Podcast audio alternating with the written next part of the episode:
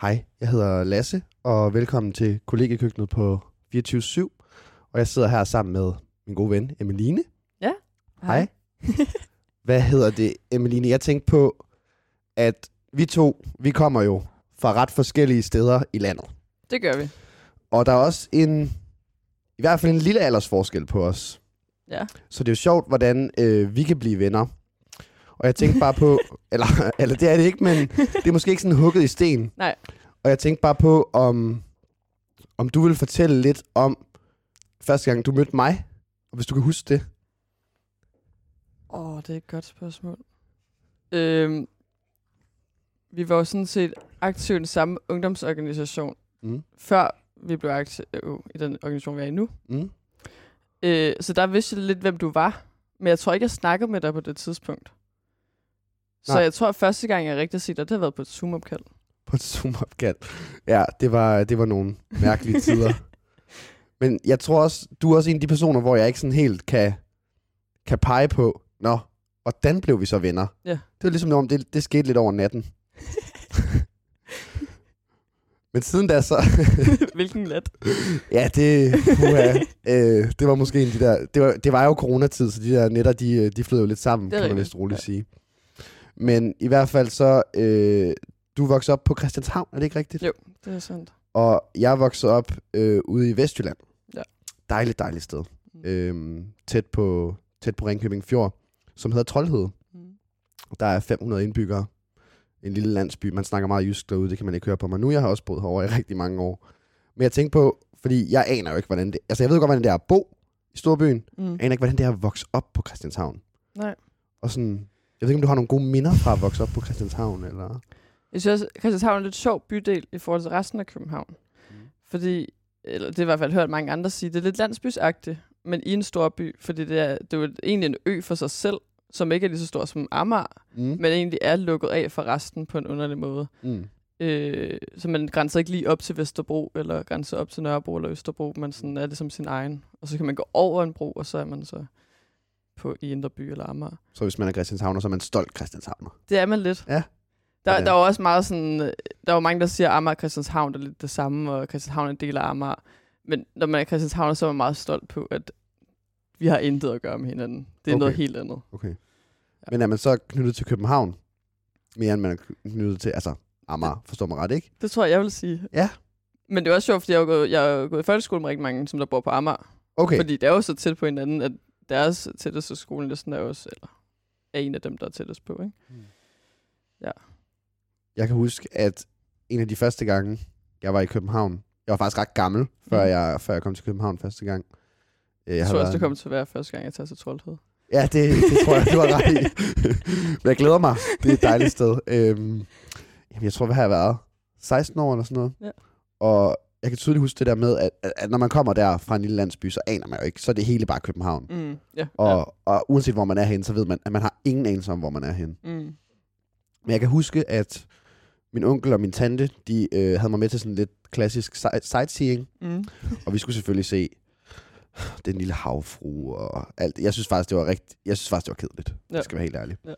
Men så kom vi jo på øh, Christianshavn, mm. Og vi skulle selvfølgelig rigtig sådan turistklasse ud og se Christiania. Ja. Og det var det eneste sted, jeg kunne huske, da det ja. Ja. var, at jeg tog hjem. Det var Christiania. Mm. Det ligger på noget, der hedder Christianshavn. Ja. Og jeg var jo sikker på, at vi havde været ude på en eller anden mystisk ø, eller sådan ja, noget, ja, ja. som ingen rigtig kendte Mm. til, og som var lidt mystisk gemt Ja, væk, eller ja. sådan noget. Men Det er ret sjovt, at man husker ting, da man var lille, som sådan noget, der er meget langt væk, og var noget helt andet. Og så kommer man tilbage, og så er man sådan, det har slet ikke, hvad jeg tænkte, det var. Ja, ja.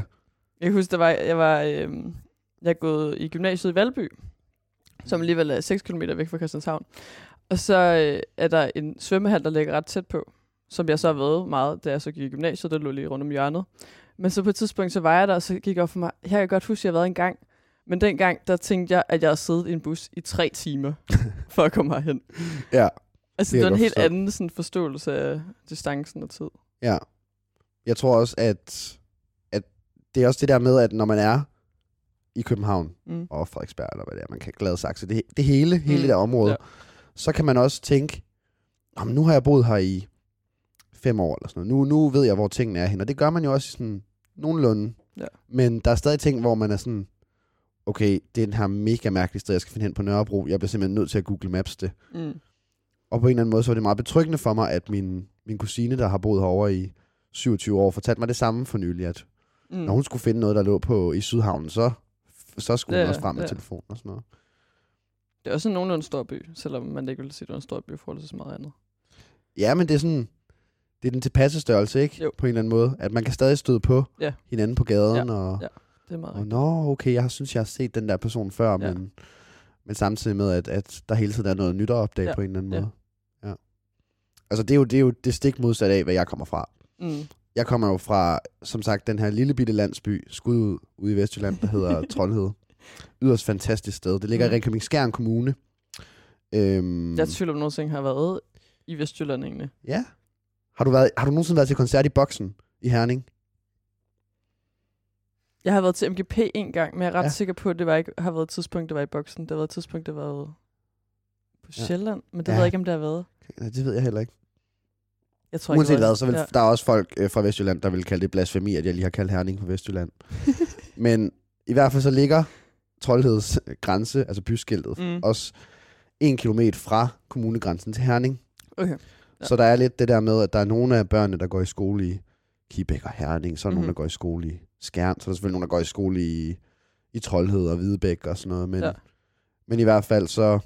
Altså Troldhed er sådan et sted, hvor at når du er fyldt fem år, så er der ikke mere at opdage. Altså, så, så er det Mm. slut, ikke? Ja. Så, så er rejsen over. Ja. Men så kan man jo så selvfølgelig tage ud til de omkringliggende byer, mm. og Mm. så er der en eller anden naturperle, eller Ja. naturperle, naturperle, men du ved, hvad jeg mener, ikke? Ja. Og det er i hvert fald en helt anderledes opvækst, tror jeg. Det tror jeg også. det, du bestemt. har. Altså sådan, jeg tror, at altså jeg er kommet mine venner meget, meget ved. Ja. I en meget, meget tidlig alder, Ja. og har ligesom holdt ved Ja. op over hele mit liv. Hvordan tænker du med det? Mm. Altså, jeg vil sige, min bedste veninde, som jeg fik, da jeg startede i folkeskolen, har jeg Mm. stadig i dag. Mm. Og jeg kender også stadig dem, jeg er gået vuggestue børnehave sådan lidt. Mm. Men jeg tror ikke, det er på samme måde overhovedet. Mm. Altså, jeg har mødt mange andre i løbet af tiden. Ja, nemlig. Ja. Altså jeg kan også mærke, at mit netværk, efter jeg flyttede, det er godt nok steget Ja. betydeligt. Ja. Der er godt nok mange, jeg kender godt nok 10 dobbelt så mange mennesker, ja. som Ja. jeg gjorde fra, siden jeg flyttede der. Ja. Men jeg tror også, jeg synes, at det der med at vokse op i provinsen, det har, det har sgu sin charme, ikke? Mm. Altså, det er sådan, at når jeg så er tilbage, jeg tror, jeg er tilbage en gang gennemsnitligt hver fjerde måned eller sådan noget. Ja. Og alle mennesker, de øh, vifter og fakter jo. Og sådan, nej, det er nærmest som, om det er sådan fortabte ridder, der er kommet hjem, ikke? så, så det har også sin charme. Ja. Men det kan også være lidt træls. Jeg kan godt lidt være en fortabt bryder, der nogle gange, altså, når jeg venter hjem til eller andet. Ja, men det kan være, du skal have sådan... det kan være, du skal gøre dig selv sådan til, til dronning over et eller andet område ikke på Christianshavn og sådan rigtig, rigtig det, ikke? Ja. Men det har jeg i hvert fald været... Jeg tror... jeg- Jeg vil faktisk våge at påstå, at man kan ikke have en bedre opvækst, end at vokse op ude i provinsen, Mm. og så få et eller andet form for kulturschok, når man så flytter ind til byen. Mm. Øhm, fordi så har man ligesom fået begge sider. Det kan jeg godt følge dig i. Så Jeg kan, også, jeg kan ofte godt synes, at jeg bliver lidt for stor besnoppet. ja, hvordan altså, det? Eksempelvis, at jeg aldrig har været i Vestjylland. Ja. Og jeg, altså sådan, øh, det, det, det er lidt boblagtigt at vokse op det samme sted altid. Og blandt så mange mennesker. Mm. Nu sagde du, du havde gået på gymnasiet i Valby. Ja. Hvad var det for et gymnasium? Københavns åbne gymnasium. Ja. Hvad var det for, øh, hvad var det for et sted? Øhm, for mig et rigtig fedt sted. Mm. Øh, og jeg var rigtig glad for det, og fik nogle rigtig gode venner. Men det startede med, at jeg var rigtig, rigtig ked af, at jeg skulle gå der. Mm. Jeg havde tænkt, at jeg skulle gå et andet sted.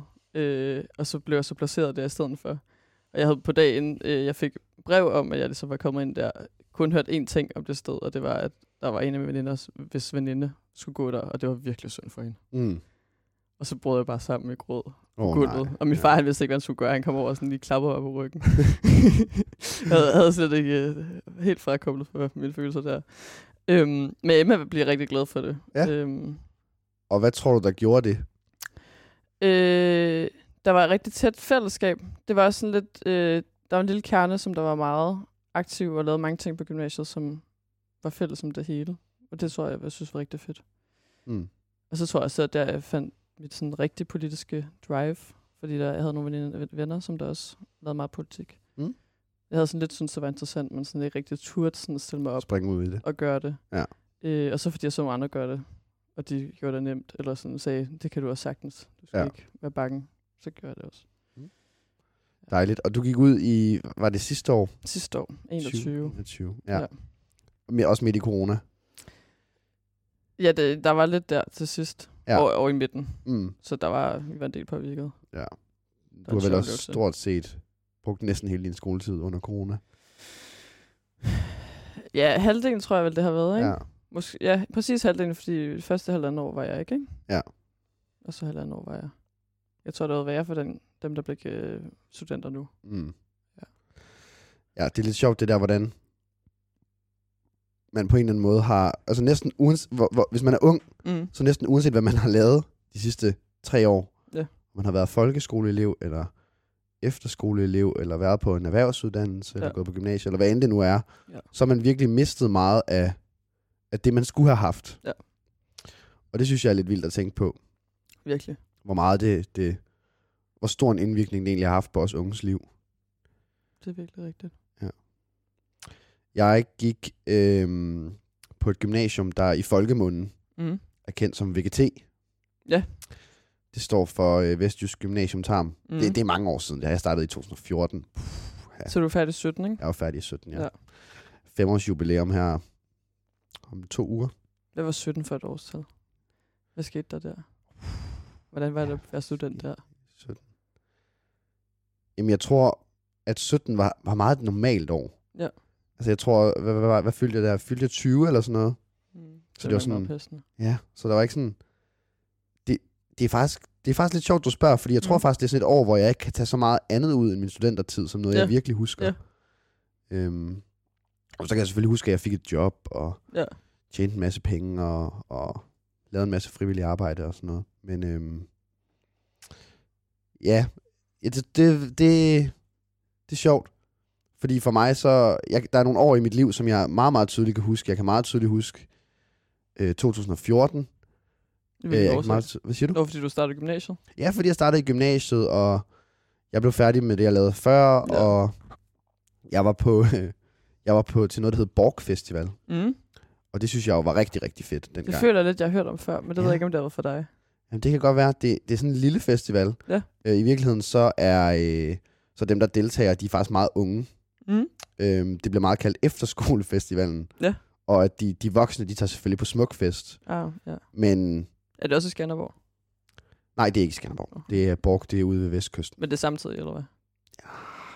Det er det ikke. Det ved jeg ikke. Men det, det var i hvert fald det der med, at så var der nogen, der lige havde gået på efterskole i 10. klasse, mm. Mm. og så var der nogen af os, der havde lavet noget andet, Mm. og så mødtes vi ligesom på Borg Festival, og det var Okay. kulminationen på det hele, inden vi Ja. startede et nyt kapitel i Mhm. vores liv. Mm. Men ja, tilbage til øh, Vestjysk Gymnasium Tarm, Mm. som det hedder, VGT. Det er et meget lille gymnasium, meget, meget truet af faldende elevtal og sådan noget. Hvad, hvad, hvor mange elever er det og, og klasser? Jamen, jeg tror, smart. hvad har vi været? Øhm, vi har vel været en seks klasser, men Okay. 15 elever i hver eller sådan noget per årgang. Det er en dejlig lille klasse. Det er det nemlig. Og det er faldende. Ja. Og VGT, det var sådan et sted, hvor alle kendte alle. Ja. Det kan jeg vist Ja. roligt sige, Ja. med, med ro i stemmen. Og jeg bliver stadigvæk, efter jeg er flyttet til København, og når jeg går en tur i Aarhus, eller hvis jeg er derovre eller sådan noget, stoppet af folk, som der har gået to årgange under mig, som er sådan, har du ikke gået på VGT? og jeg har aldrig snakket med dem før. Øh, så på en eller anden måde, så Men sådan, tror du ikke det, er, fordi du også har været et ansigt på skolen? Nej, jeg tror faktisk bare, at alle lidt ved, hvem alle er. Ja. At, at det der med, at hvis du er vegetar, så er det sådan noget, der følger dig for evigt. Ja. Og Det er lidt fedt. ja, det er på en eller anden måde, det, det er en identitet, jeg bærer meget stolt. Ja. Fordi at mit, øhm, det gymnasium, jeg ellers skulle have gået på, Mm. Herning Gymnasium, Ja. er jo gigantisk. Det er da Ja. Danmarks største. Hold da. Hvor meget, er det mange klasser? Ja, jeg, jeg ved ikke, hvor mange klasser det er, men jeg ved, de er 1400 elever i, i Hold alt da. eller sådan noget. Ja, ja. Ja. Vildt. Så. Men jeg tror også, at øh, det er ved at være tid til, at øh, vi skal spille vores første sang Mm. i dag. Og den har du taget med, Emeline. Og hvorfor har du det? Det, det var fordi, det, det er en god TikTok-sang, tror jeg. Ikke, Ja. jeg, jeg har faktisk ikke engang TikTok. Jeg, jeg er typen, som der ikke har TikTok, men så i stedet for ser Instagram Reels. ikke, at jeg ikke har haft TikTok. Nej, nej, nej. men så ser jeg Reels i stedet for. Ja. Øhm, så den var, den var bare på min likede sange, tror jeg. Mm. Men du, har, du lytter også til den? Altså, Eller kender den? Ja, det gør jeg. Selvfølgelig gør jeg det. Altså, det er jo, vi er jo... Og på mit arbejde, der spiller den jo på radioen konstant. Mm. Men det er en af de radiosange, som jeg synes, øh, den kan man godt holde ud at høre Ja, en, en, er irriterende. ret mange gange Ja. på en dag. Ja. Og det er øh, As It Was med Harry Styles.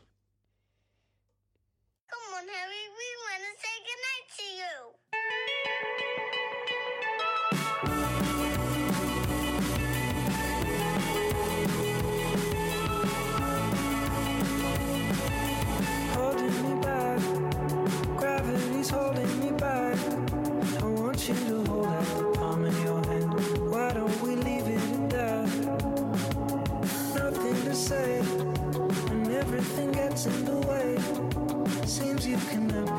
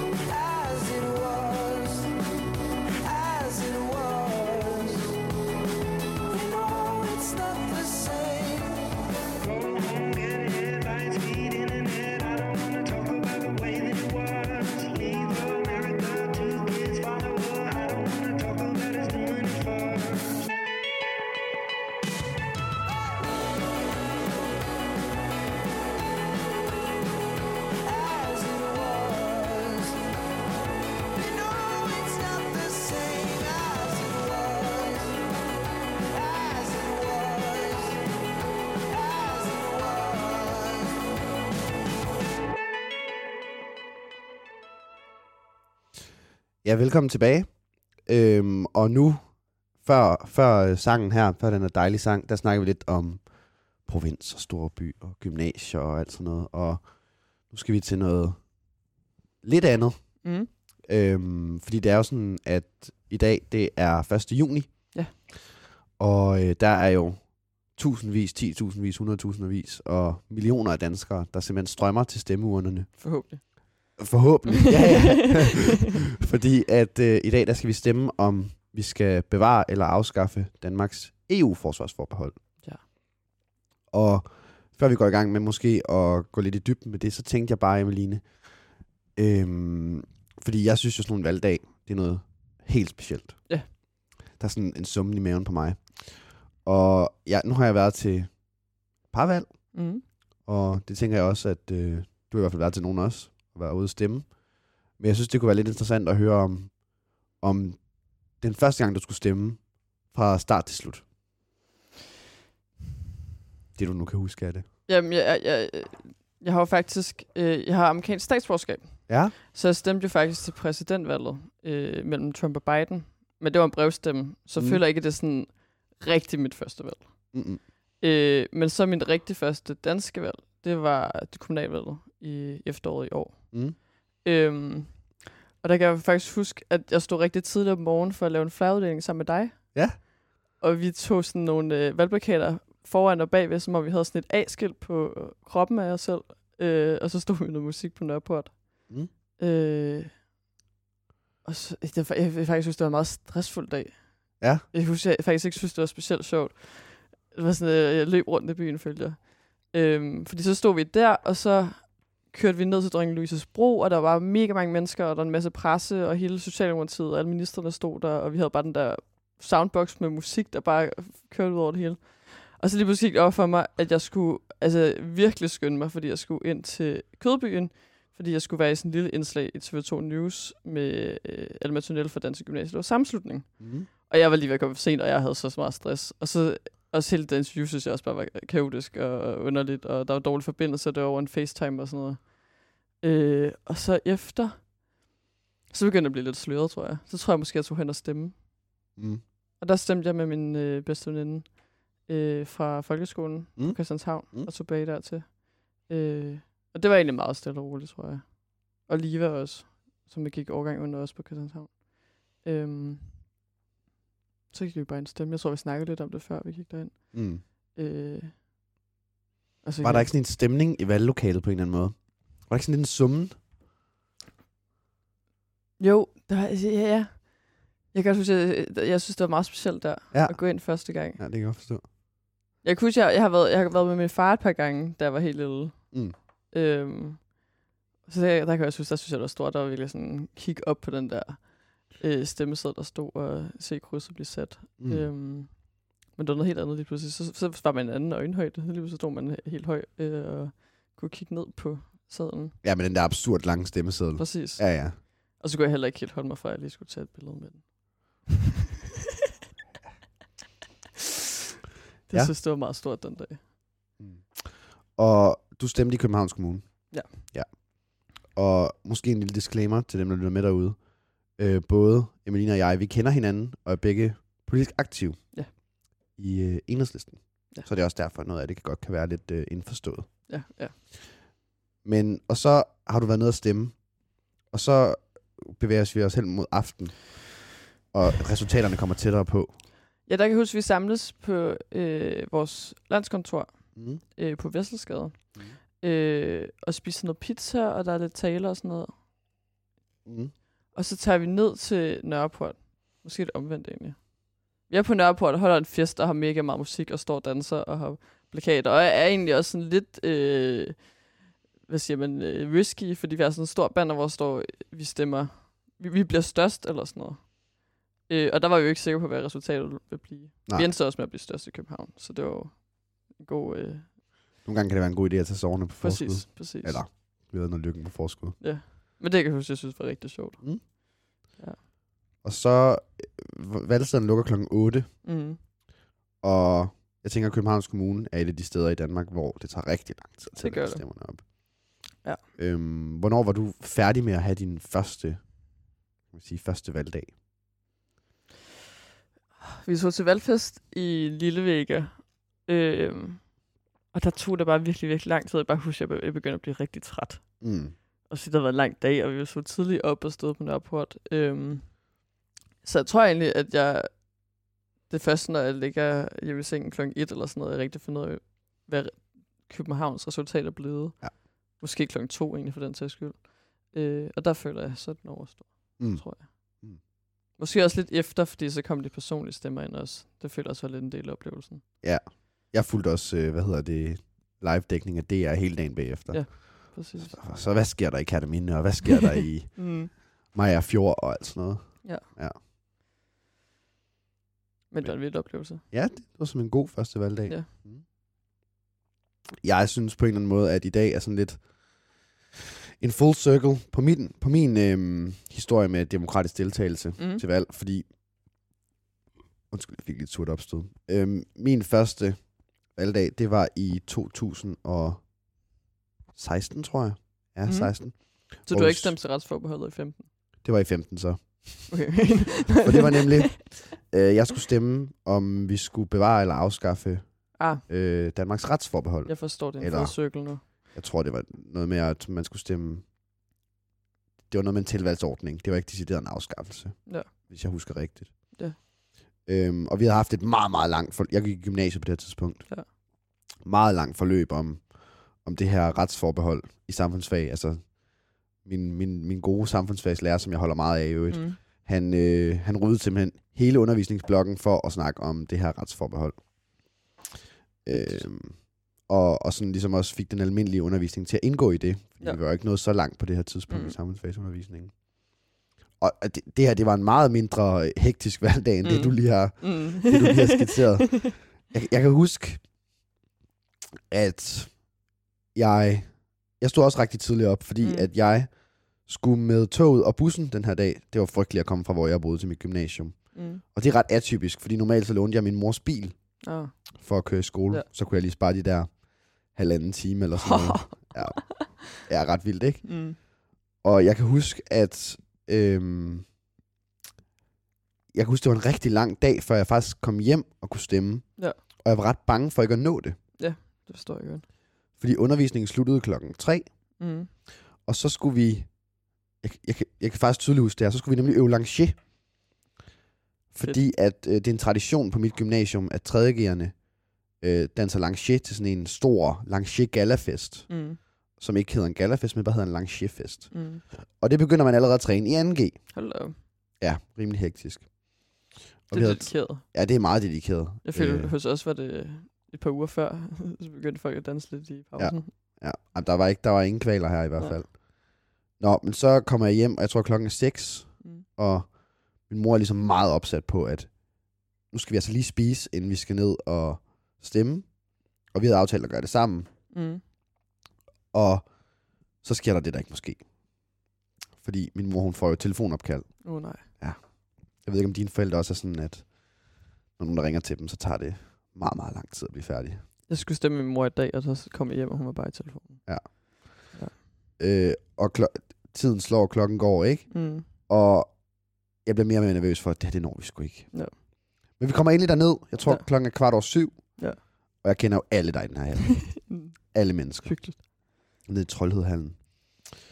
Øhm, og de mennesker, der ligesom er, der er ikke særlig mange, der er inde og stemme. Der er Mhm. faktisk flere, hvad, det hedder, valgtilforordnet Ja. og styre på det her der er sted. folk, der der er folk, der stemmer på det her tidspunkt. Så Gør, er får- god del, altså sådan, det er meget godt klaret af antallet valgtilforordnede. Ja, ja. Ja, ja. Der kan dukke så mange op. ja, ja.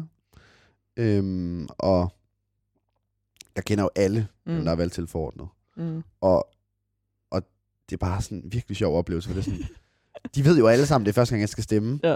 Ej, Lasse, ej, hvor spændende, og skal du også huske at beslutte det rigtige. og det ved jeg, jeg har jo ingen anelse om, hvad det ombefatter. ja.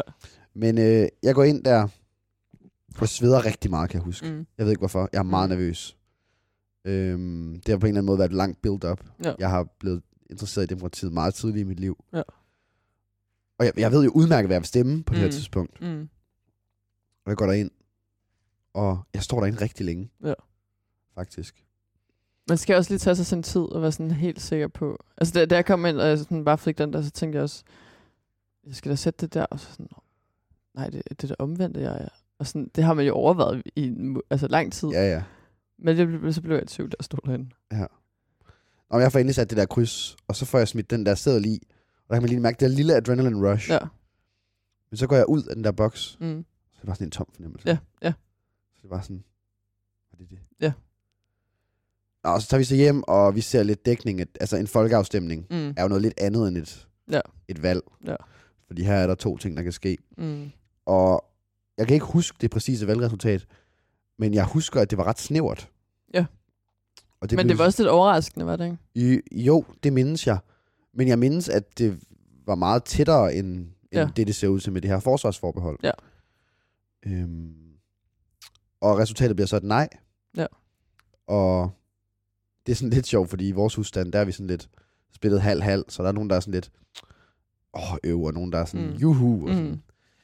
Øhm, og så på en eller anden måde, så er det også, det er også et sjovt valg at have deltaget i, fordi nu, ja. Er vi kommet, nu er vi kommet syv år på fremad, og det er heller ikke, fordi jeg er vanvittigt meget med i, i udviklingen af EU's øhm, retslige dimension, eller Ja. hvad man kalder det. Øh, jeg har hørt mig rigtig meget om forsvarsforbehold, så det kan godt være, at jeg blander mm. nogle begreber sammen. Men det er jo ikke sådan... Det er ikke, fordi man har, man har tænkt vildt meget over, hvilke konsekvenser Nej, det valg, det nej, har haft det er siden. rigtigt. Ja. Overhovedet ikke. Jeg Nå. tror lidt, at øh, retsforbeholdets øh, afstemning var det første, der virkelig sådan fik mig til at... Ikke, ikke selve diskussionen, tror jeg, Mm. men bare hele den der ja, også demokratiske deltagelse på en eller anden måde. Mm. Øh, og der var... Ja, på det tidspunkt var det bare der, jeg synes, det var sjovt, at folkeafstemninger og forskellige partier og debat. Det, var- jeg tror, det var det, var, der fangede mig til at starte med. Jeg tror også, at deromkring jeg måske faktisk tænkte, okay, det er enhedslisten, jeg støtter. Mm. Det var ikke der, jeg meldte mig ind. Det var efter kommunen var 17. Men det var der, jeg tænkte, hende der Pernille, hun er ret sej. Johanna er lidt sej også. Ja. Og i dag så øh, skal vi så stemme om, vi skal bevare eller afskaffe det danske, nu skal jeg lige passe på, forsvarsforbehold. Og du har været nede at stemme. Det har jeg. Det har du. Det har jeg ikke endnu. Nej. Øhm, det talte vi nemlig lige om, inden vi gik på her, her i dag. Ja. Og øhm, jeg tænker, at øh, vi skal snart have næste sang, mm. men bare lige kort. Øhm, hvad har, hvis du har lyst til at dele selvfølgelig, hvad har du stemt i dag? Jeg stemte nej. Og det kan jeg afsløre, det kommer jeg også til at, til at stemme, når det er, jeg står nede i Bylovshallen om lidt og ja. skal afgive min stemme. Og øh, det har vi jo taget en sang med i dag om. Det har vi. Og det var også øh, dig, der valgte den. ja. Og vil du ikke introducere den? Øhm, det, var, det var den sang, jeg øh, lyttede til i morges, da jeg cyklede hen til morgens øh, flyeruddeling. Øhm, og gav mig rigtig god motivation til at skulle dele nogle flyers ud. Øh, og den er fra High School Musical. Jeg kan ikke huske, om vi blev enige om, hvilken en af dem. Er det toeren? Etteren. Øhm, og den øh, siger nej mange gange. Har nogle gode budskaber i forhold til, hvorfor det er, vi har stemt nej. Og så hedder den Stick to the Status Quo.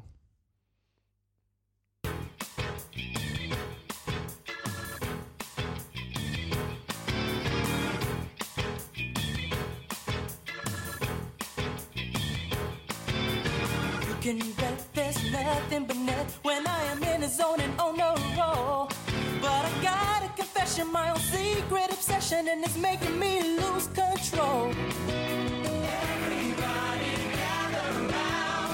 If Troy can tell his secret, then I can tell mine. I, I bake. What? I love to bake. Strudel, scones, even apple pandowdy. Not another sound. Someday I hope to make the perfect creme brulee.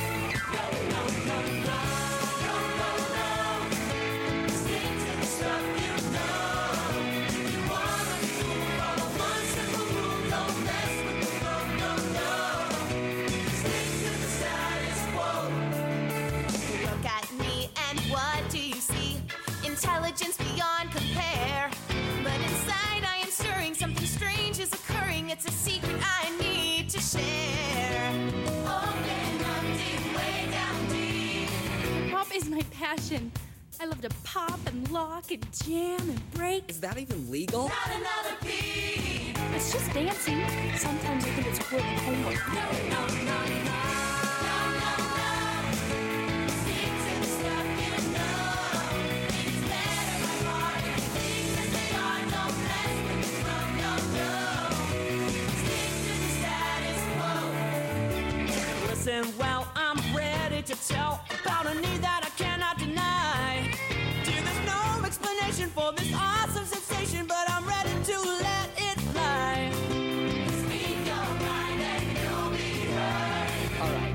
wants to be a singer, then I'm coming clean.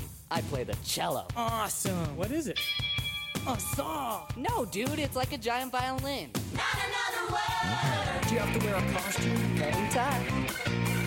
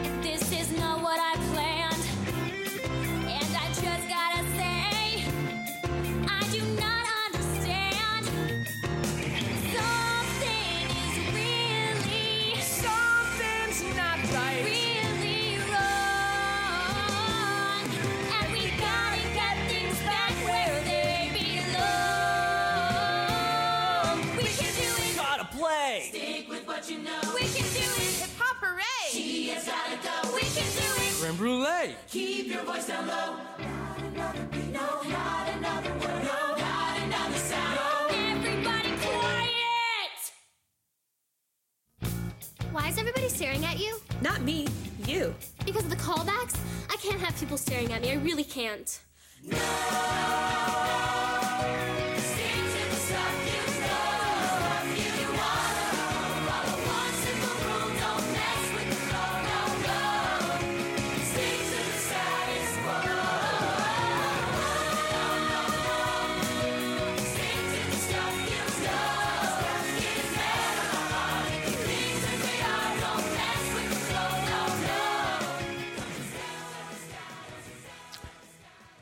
Det her er jo øh, High School Musical. Mm.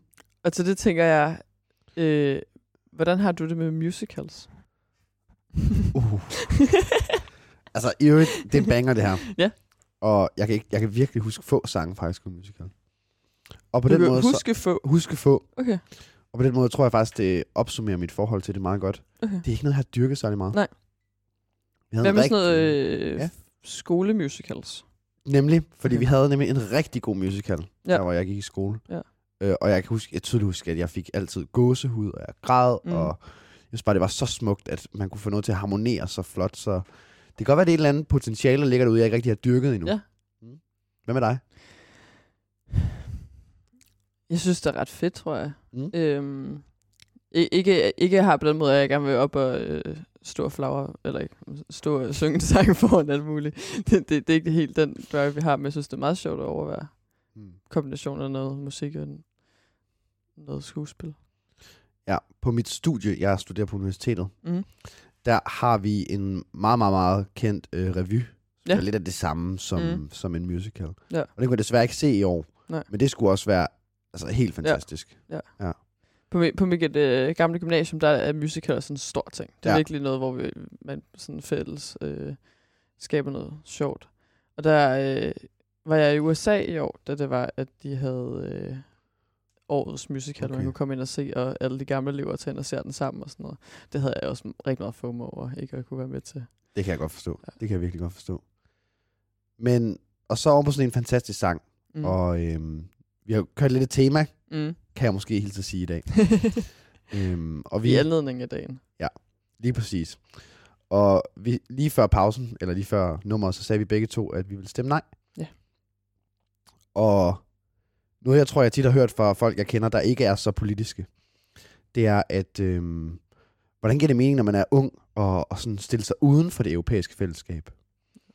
Og det var bare sådan en, en sætning, jeg har filosoferet meget over, eller tænkt meget over. Mm. Og jeg kunne godt tænke mig at høre dine tanker om den sætning. Mm. Altså, jeg synes med forsvarsforbeholdet ikke rigtigt, hvis det lader os uden for det europæiske samarbejde. Nej. Øh, fordi der er jo rigtig mange lande, der har forbehold. Eller sådan, som der deltager i det europæiske samarbejde alligevel. Og mm. vi deltager jo stadig i det europæiske samarbejde, selvom vi har forbehold, og vi har jo stadig tre andre. Mm. Øhm. Så jeg synes, der er nogle nuancer i det. Ja. Ja, det er jeg jo også enig i, men, men jeg tror måske, jeg forstår. Altså, jeg kan godt forstå, hvorfor at folk tænker, særligt når de er født, altså hvor, hvor de har levet imens EU altid har været en ting, og haft, ja. Haft indflydelse på Danmark, og ja. EU kan meget blive det, man forbinder med, med Europa, tænker jeg. Ja. Så tror jeg godt, jeg kan forstå den der grundlæggende tanke om, at vi skal være så meget med, som vi overhovedet kan. Ja. Øh, fordi det, det er ligesom det fællesskab, man kender til. Det er det, Ja. man er født ind i. Ja. Ja, jeg forstår også godt, hvorfor man godt vil stå sammen og have et sammenhold i den tid, vi er i nu. Mm. Det giver vildt god mening. Men hvordan er du så, øh, fordi nu har vi begge to sagt, at vi godt forstår den følelse og tanke, hvordan mm. er Mm. du så endt på et nej? Øhm, jeg tror bare, at det, det er gået op for mig, at det ikke rigtigt det forsvarsforbehold handler om. Det handler ikke om at stå sammen mod nogle større kræfter. Det handler om nogle militære missioner, der foregår i Afrika og ved Middelhavet og Balkan. Øhm, så det er lidt noget andet. Mm. Hvorfor tænker du så, at altså det, den her folkeafstemning Ja. blev jo udskrevet øhm, i forbindelse med, at der blev indgået en aftale Mm. bredt i Folketinget, som Mm. man kalder øh, det nye nationale kompromis, mener Ja. jeg. Ja. Oven på, på krigen i, i den forfærdelige, i øvrigt, Mm. mm. øh, krig i Ukraine. Og, og sådan, jeg har i hvert fald også tænkt meget over, at øh, man skal selvfølgelig passe på med at blande æbler og pærer. Ja. Men for mig at se, hænger den der nye aftale Mm. også lidt sammen med folkeafstemningen. Mm. At hvis der kommer et øh, ja mm. i dag til at afskaffe forsvarsforbeholdet, så tror jeg, tror jeg i hvert fald bredt i befolkningen også, at det er en op, vil være en opbakning til den øh, politiske linje generelt. Ja, ja. Øhm, og selvfølgelig, man skal også, som jeg også selv sagde lige før, man skal passe på med at blande æbler og pærer, men, Ja. men det er også en af mine årsager. Måske en af de små årsager, men Mm. mm. jeg er i øvrigt meget enig med dig, men til Mm. at stemme nej. Ja, vi, vi er også enige om, at det nationale kompromis også øh, indeholder forøgning af vores... Øh, Forsvarsbudgetter, ja. Ja. Ja, ja man kan sige... det- det- Jeg tror også, at... Men det er jo på en eller anden måde... Altså, hvis krigen i Ukraine har gjort én ting for mig, mm, øh, så er det at øh, få mig til at interessere mig for sikkerheds- og udenrigspolitik, for det har Ja. ja. godt nok ikke været noget, jeg har interesseret mig meget for tidligere.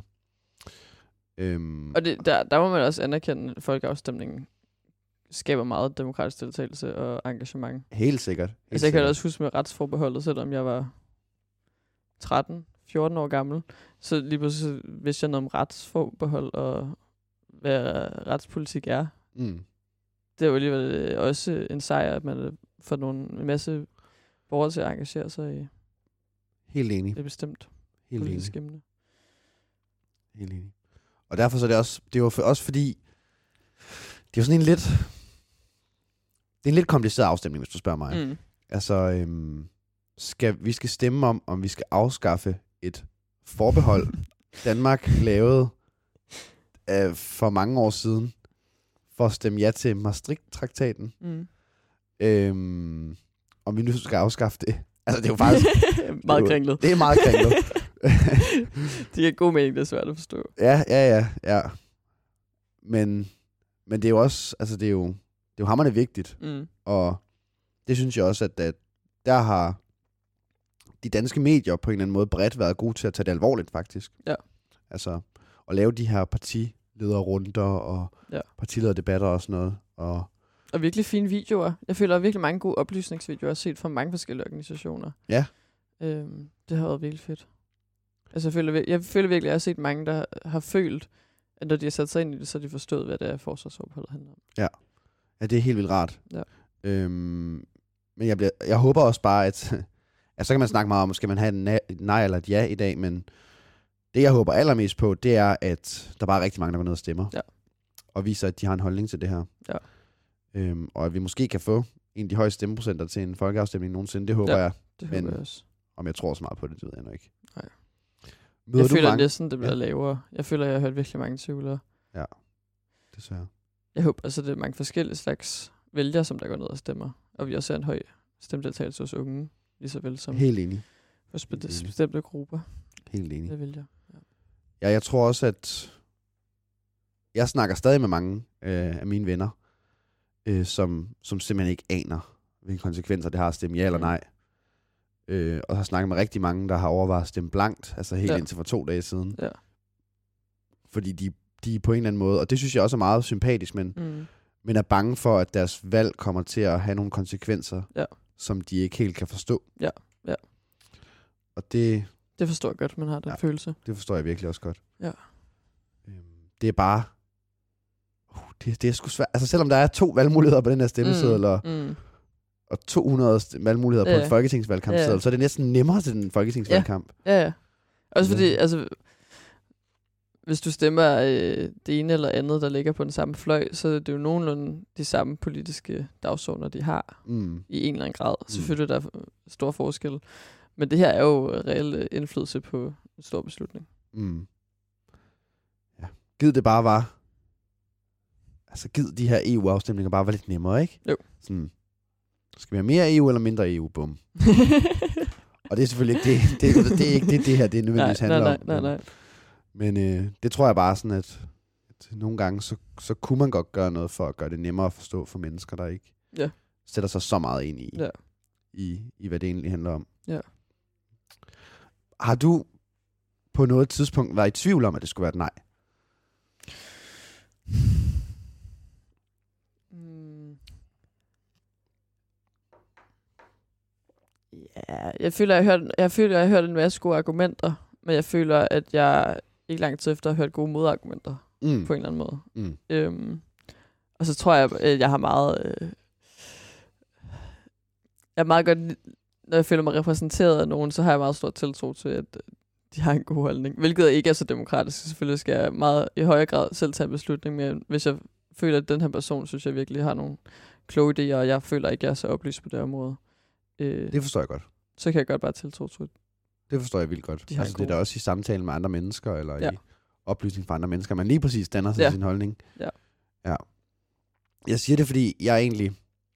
Altså, jeg tror, i alle mine andre valg, Mm. Der har jeg fra start, altså fra dagen, Ja. det her valg, det blev udskrevet, eller hvad Ja. man siger, været 0% i tvivl. Ja. Men jeg må indrømme, at, at altså den for Putins frygtelige angrebskrig mod Ukraine har virkelig øh, sat nogle tanker i spil på mig om, hvordan det er, vi indretter vores verden, og Mm. øhm, hvad er sikkerhedspolitik, og hvad, for, altså hvad forsvar, hvad er militær, hvad er angreb, hvad er NATO, hvad er Ja. EU og sådan noget. Ja. Øh, Helt, altså sådan en kæmpe tankeboble op ved mig, så, Ja. så jeg har ikke været 100% sikker for dag 1 den her Mm. gang. Øhm, men det er måske så til gengæld i løbet af den her valgkamp blevet et af de, en af de afstemninger, hvor jeg er blevet mest sikker Ja. til allersidst. Ja. Øhm, Jeg føler også, der skete meget undervejs. Altså, der kom mange ting på bordet undervejs i valgkamp. Ja. Det gør der selvfølgelig altid ja, en valgkamp. Men jeg føler alligevel, der er mange... Så har været et argument, som har været godt for jeres siden, men så har man fundet ud af bagefter, at det egentlig er det ikke på den måde, eller egentlig har man en chance for at ændre det, eller... Ja, men det, jeg synes, det har været, været en spændende valgkamp, og jeg synes Mm. også, langt hen ad, altså vi, vi to er jo meget i det, fordi Mm. mm. vi er politisk aktive, som vi også fortalt tidligere. Øhm, så vi, vi sætter os også meget ind i det, og fører Mm. mm. kampagne for det, og Ja. ja. øh, snakker med mennesker, øh, dem vi kender og dem vi ikke kender. Mm. Øhm, så på den måde, så er vi også meget in the, Mm. på, altså på Mm. kamppladsen, ikke? Ja. Øhm, men jeg synes faktisk, det har været en meget rar valgkamp. Det synes jeg også. Øh, Jeg synes, det var så fedt at øh, hø- overhøre folk, som der så snakker om, hvad de skulle stemme Mm. på gaden. Mm. Øh, det føler jeg ikke på samme måde, jeg har hørt til andre valgkampe egentlig. Mm. Folk snakker ikke så meget om, hvad deres partifarve er, men om så en bestemt beslutning, om det er ja eller nej, er jo lidt noget andet. Helt sikkert. Ja. Ja. Helt sikkert. Og på en måde så... Det er en, det er en fed måde at føre valgkamp på, synes jeg. Mm. Så på den måde kunne det være ret nice, hvis det var, at der var flere Mm. folkeafstemninger om, Enig, om store aftaler Ja. ja. eller sådan noget, virkelig. der røg ud til et ja eller nej. Ja. Måske. Udover. Det var, Ja. det var, det var, ej, det ville så være noget andet, fordi man er mere vant til det, men det, det er også hårdt at føre kampagne i Det er tid. meget hårdt at føre kampagne. man bliver lidt træt. Det gør man. Men man kan også sige, at, at øh, den her aftale, den, den rykker meget ved... Det, det er jo det, vi ikke helt ved, men rykker Mm. meget ved, ved Danmarks økonomi. Og det er der jo også mange aftaler i, det, altså i vores folketing, der gør. Og Ja. det kunne da være Ja. vildt interessant at se, hvordan vores samfund ville være indrettet, hvis, Ja. hvis der var mere direkte demokrati. Ja. Men jeg er helt enig med dig. Øhm, så vi skal jo begge to til valgfest i aften. Jeg skal faktisk ikke til valgfest i aften. ikke til valgfest Nej, i aften. det skal jeg ikke. Jeg har simpelthen øh, tilbage i februar booket billetter til Paris, fordi min kæreste er lige blevet 20. Nå, Ja. Så jeg skal med på Nørreport og danse lidt, men så skal jeg ikke videre til valgfest. øv. Jeg vidste ikke, der var folkeafstemning, da jeg bestilte det. Nej, men en, den dejlige 20-års tur med ens kæreste til Paris, det øh, ved du hvad, det kan jeg godt undre 100 procent. Ja. Ej, men, helt, men okay, det jeg bare vil sige, det var, at jeg skal i hvert fald til valgfest Ja. senere. Og når Ja, jeg er lidt jaloux på, at du skal til sådan en dejlig valgfest. det kan jeg godt forstå, at når resultaterne tigger ind der, og øh, vi ser, hvordan det er, øh, det ser ud, det ser jo ikke så godt ud for Nej, nej-siden nej. i meningsmålingerne lige nu. Men så håber vi, at det bliver øh, et stort fedt no. Ja. Og det er også den næste sang, vi skal høre med øh, Megan Trainer. Mm. som hedder No. I think it's so cute, and I think it's so sweet. How you let your friends encourage you to try and talk to me. But let me stop you there, oh, before you speak.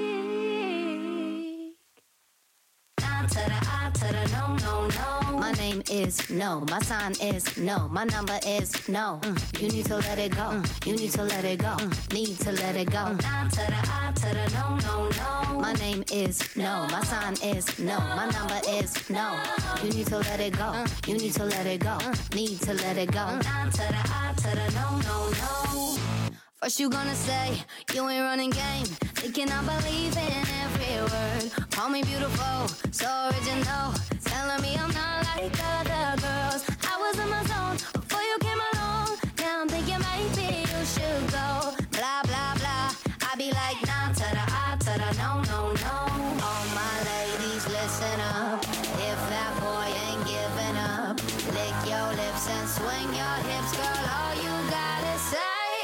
is my name is no. My sign is no. My number is no. Mm, You need to let it go. Mm, You need to let it go. Mm, Need to let it go. Nah to the I to the no no no. My name is no. My sign is no. My number is no.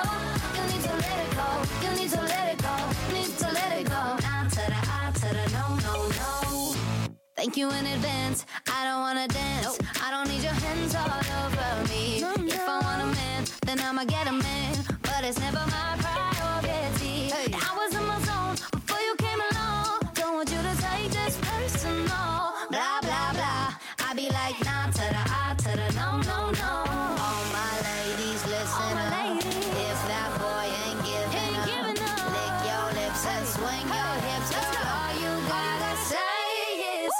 is no. My sign is no. My number is no. Mm, You need to let it go. Mm, You need to let it go. Mm, Need to let it go. Nah to the I to the no no no. My name is no. My sign is no. My number is no. You need to let it go. You need to let it go. Need to let it go. Nah to the I to the no no no. I'm feeling untouchable, untouchable. I'm feeling untouchable, untouchable. I'm feeling untouchable, untouchable. I'm feeling.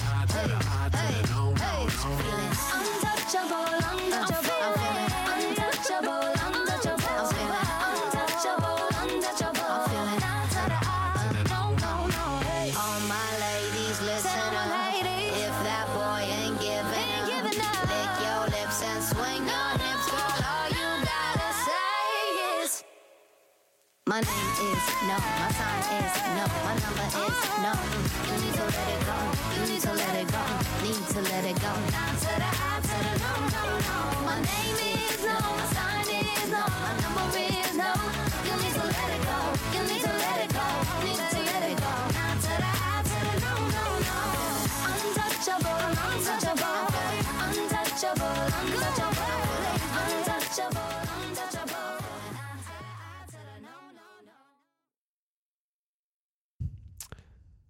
Hej og velkommen tilbage til kollegiekøkkenet på 24-7. Jeg hedder Lasse, og jeg sidder her med min gode ven Emmeline. Mm.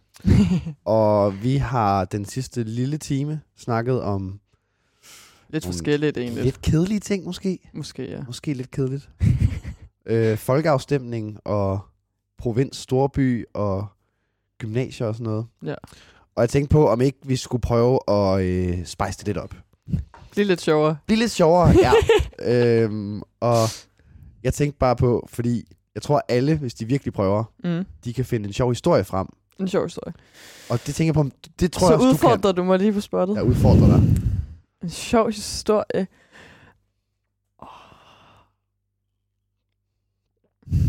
Eller noget, du synes, der er helt vildt morsomt for tiden.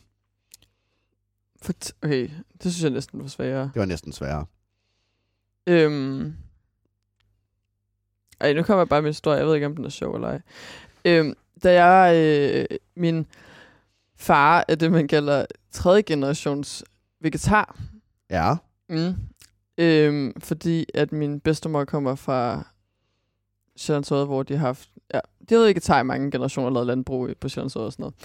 Øhm, og så øh, kom han sammen med min mor, og så blev hun også vegetar, og så var jeg ligesom de første par leveår også vegetar.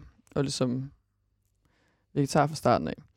Øh, men så da jeg øh, overgår fra at gå i vuggestue til børnehave, Ja. så får pædagogen ikke lige sagt videre, hende Emeline derovre, hende skal du ikke give noget kød.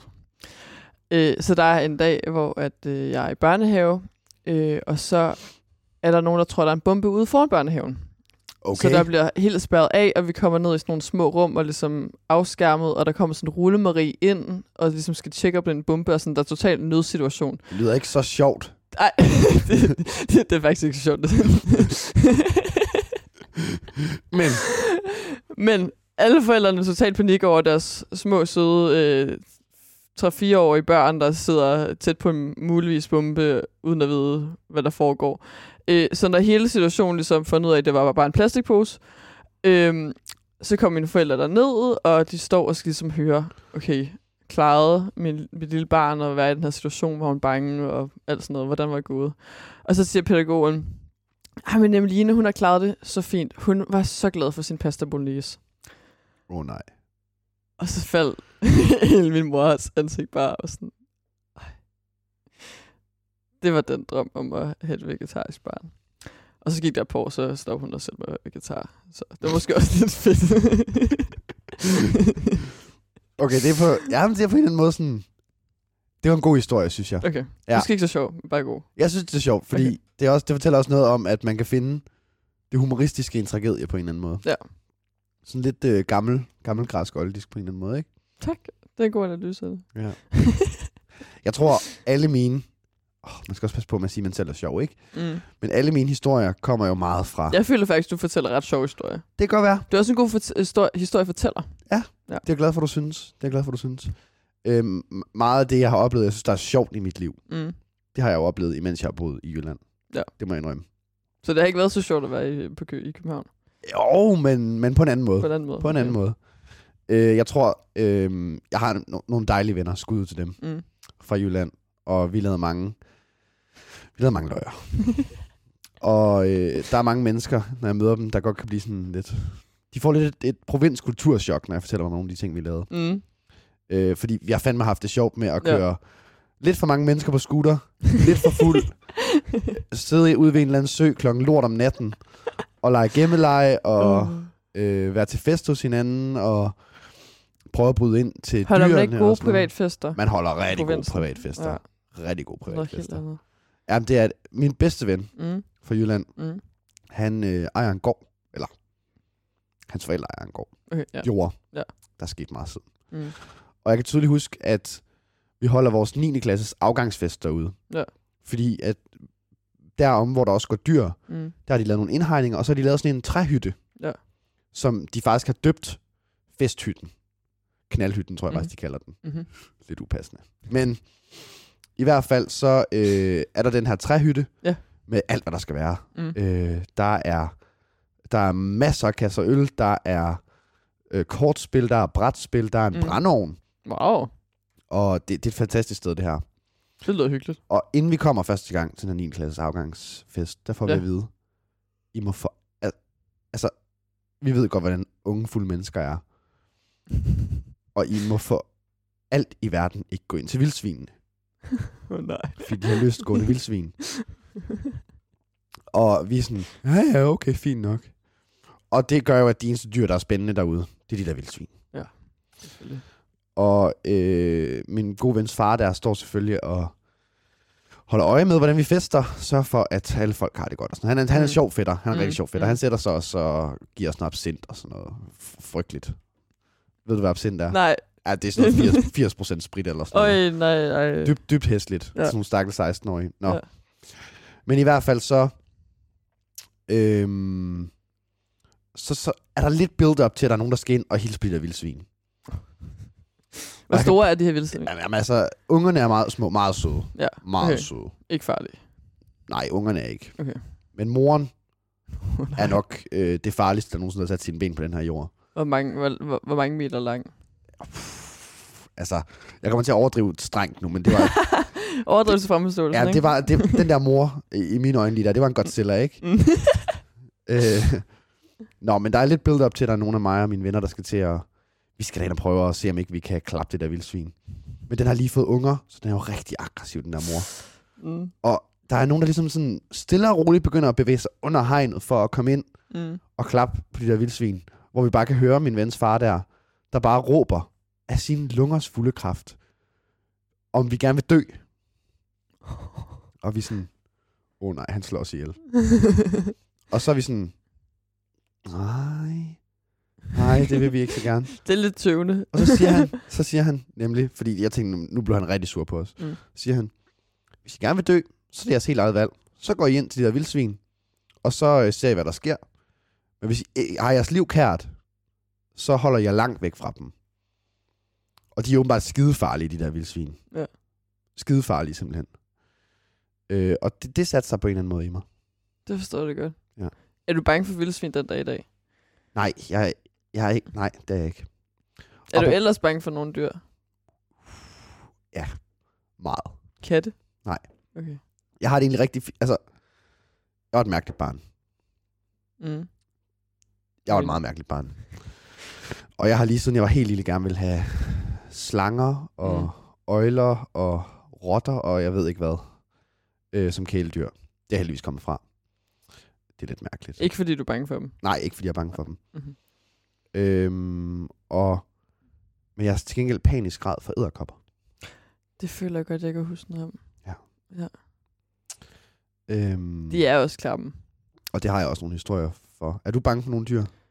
Øhm, altså, jeg er bange for dem, der er meget, meget livstruende, hvis den situation skal opstå. Men, øh, men jeg tror, jeg er generelt lidt ukomfortabel omkring dyr. Ja. Eller, jeg... jeg, jeg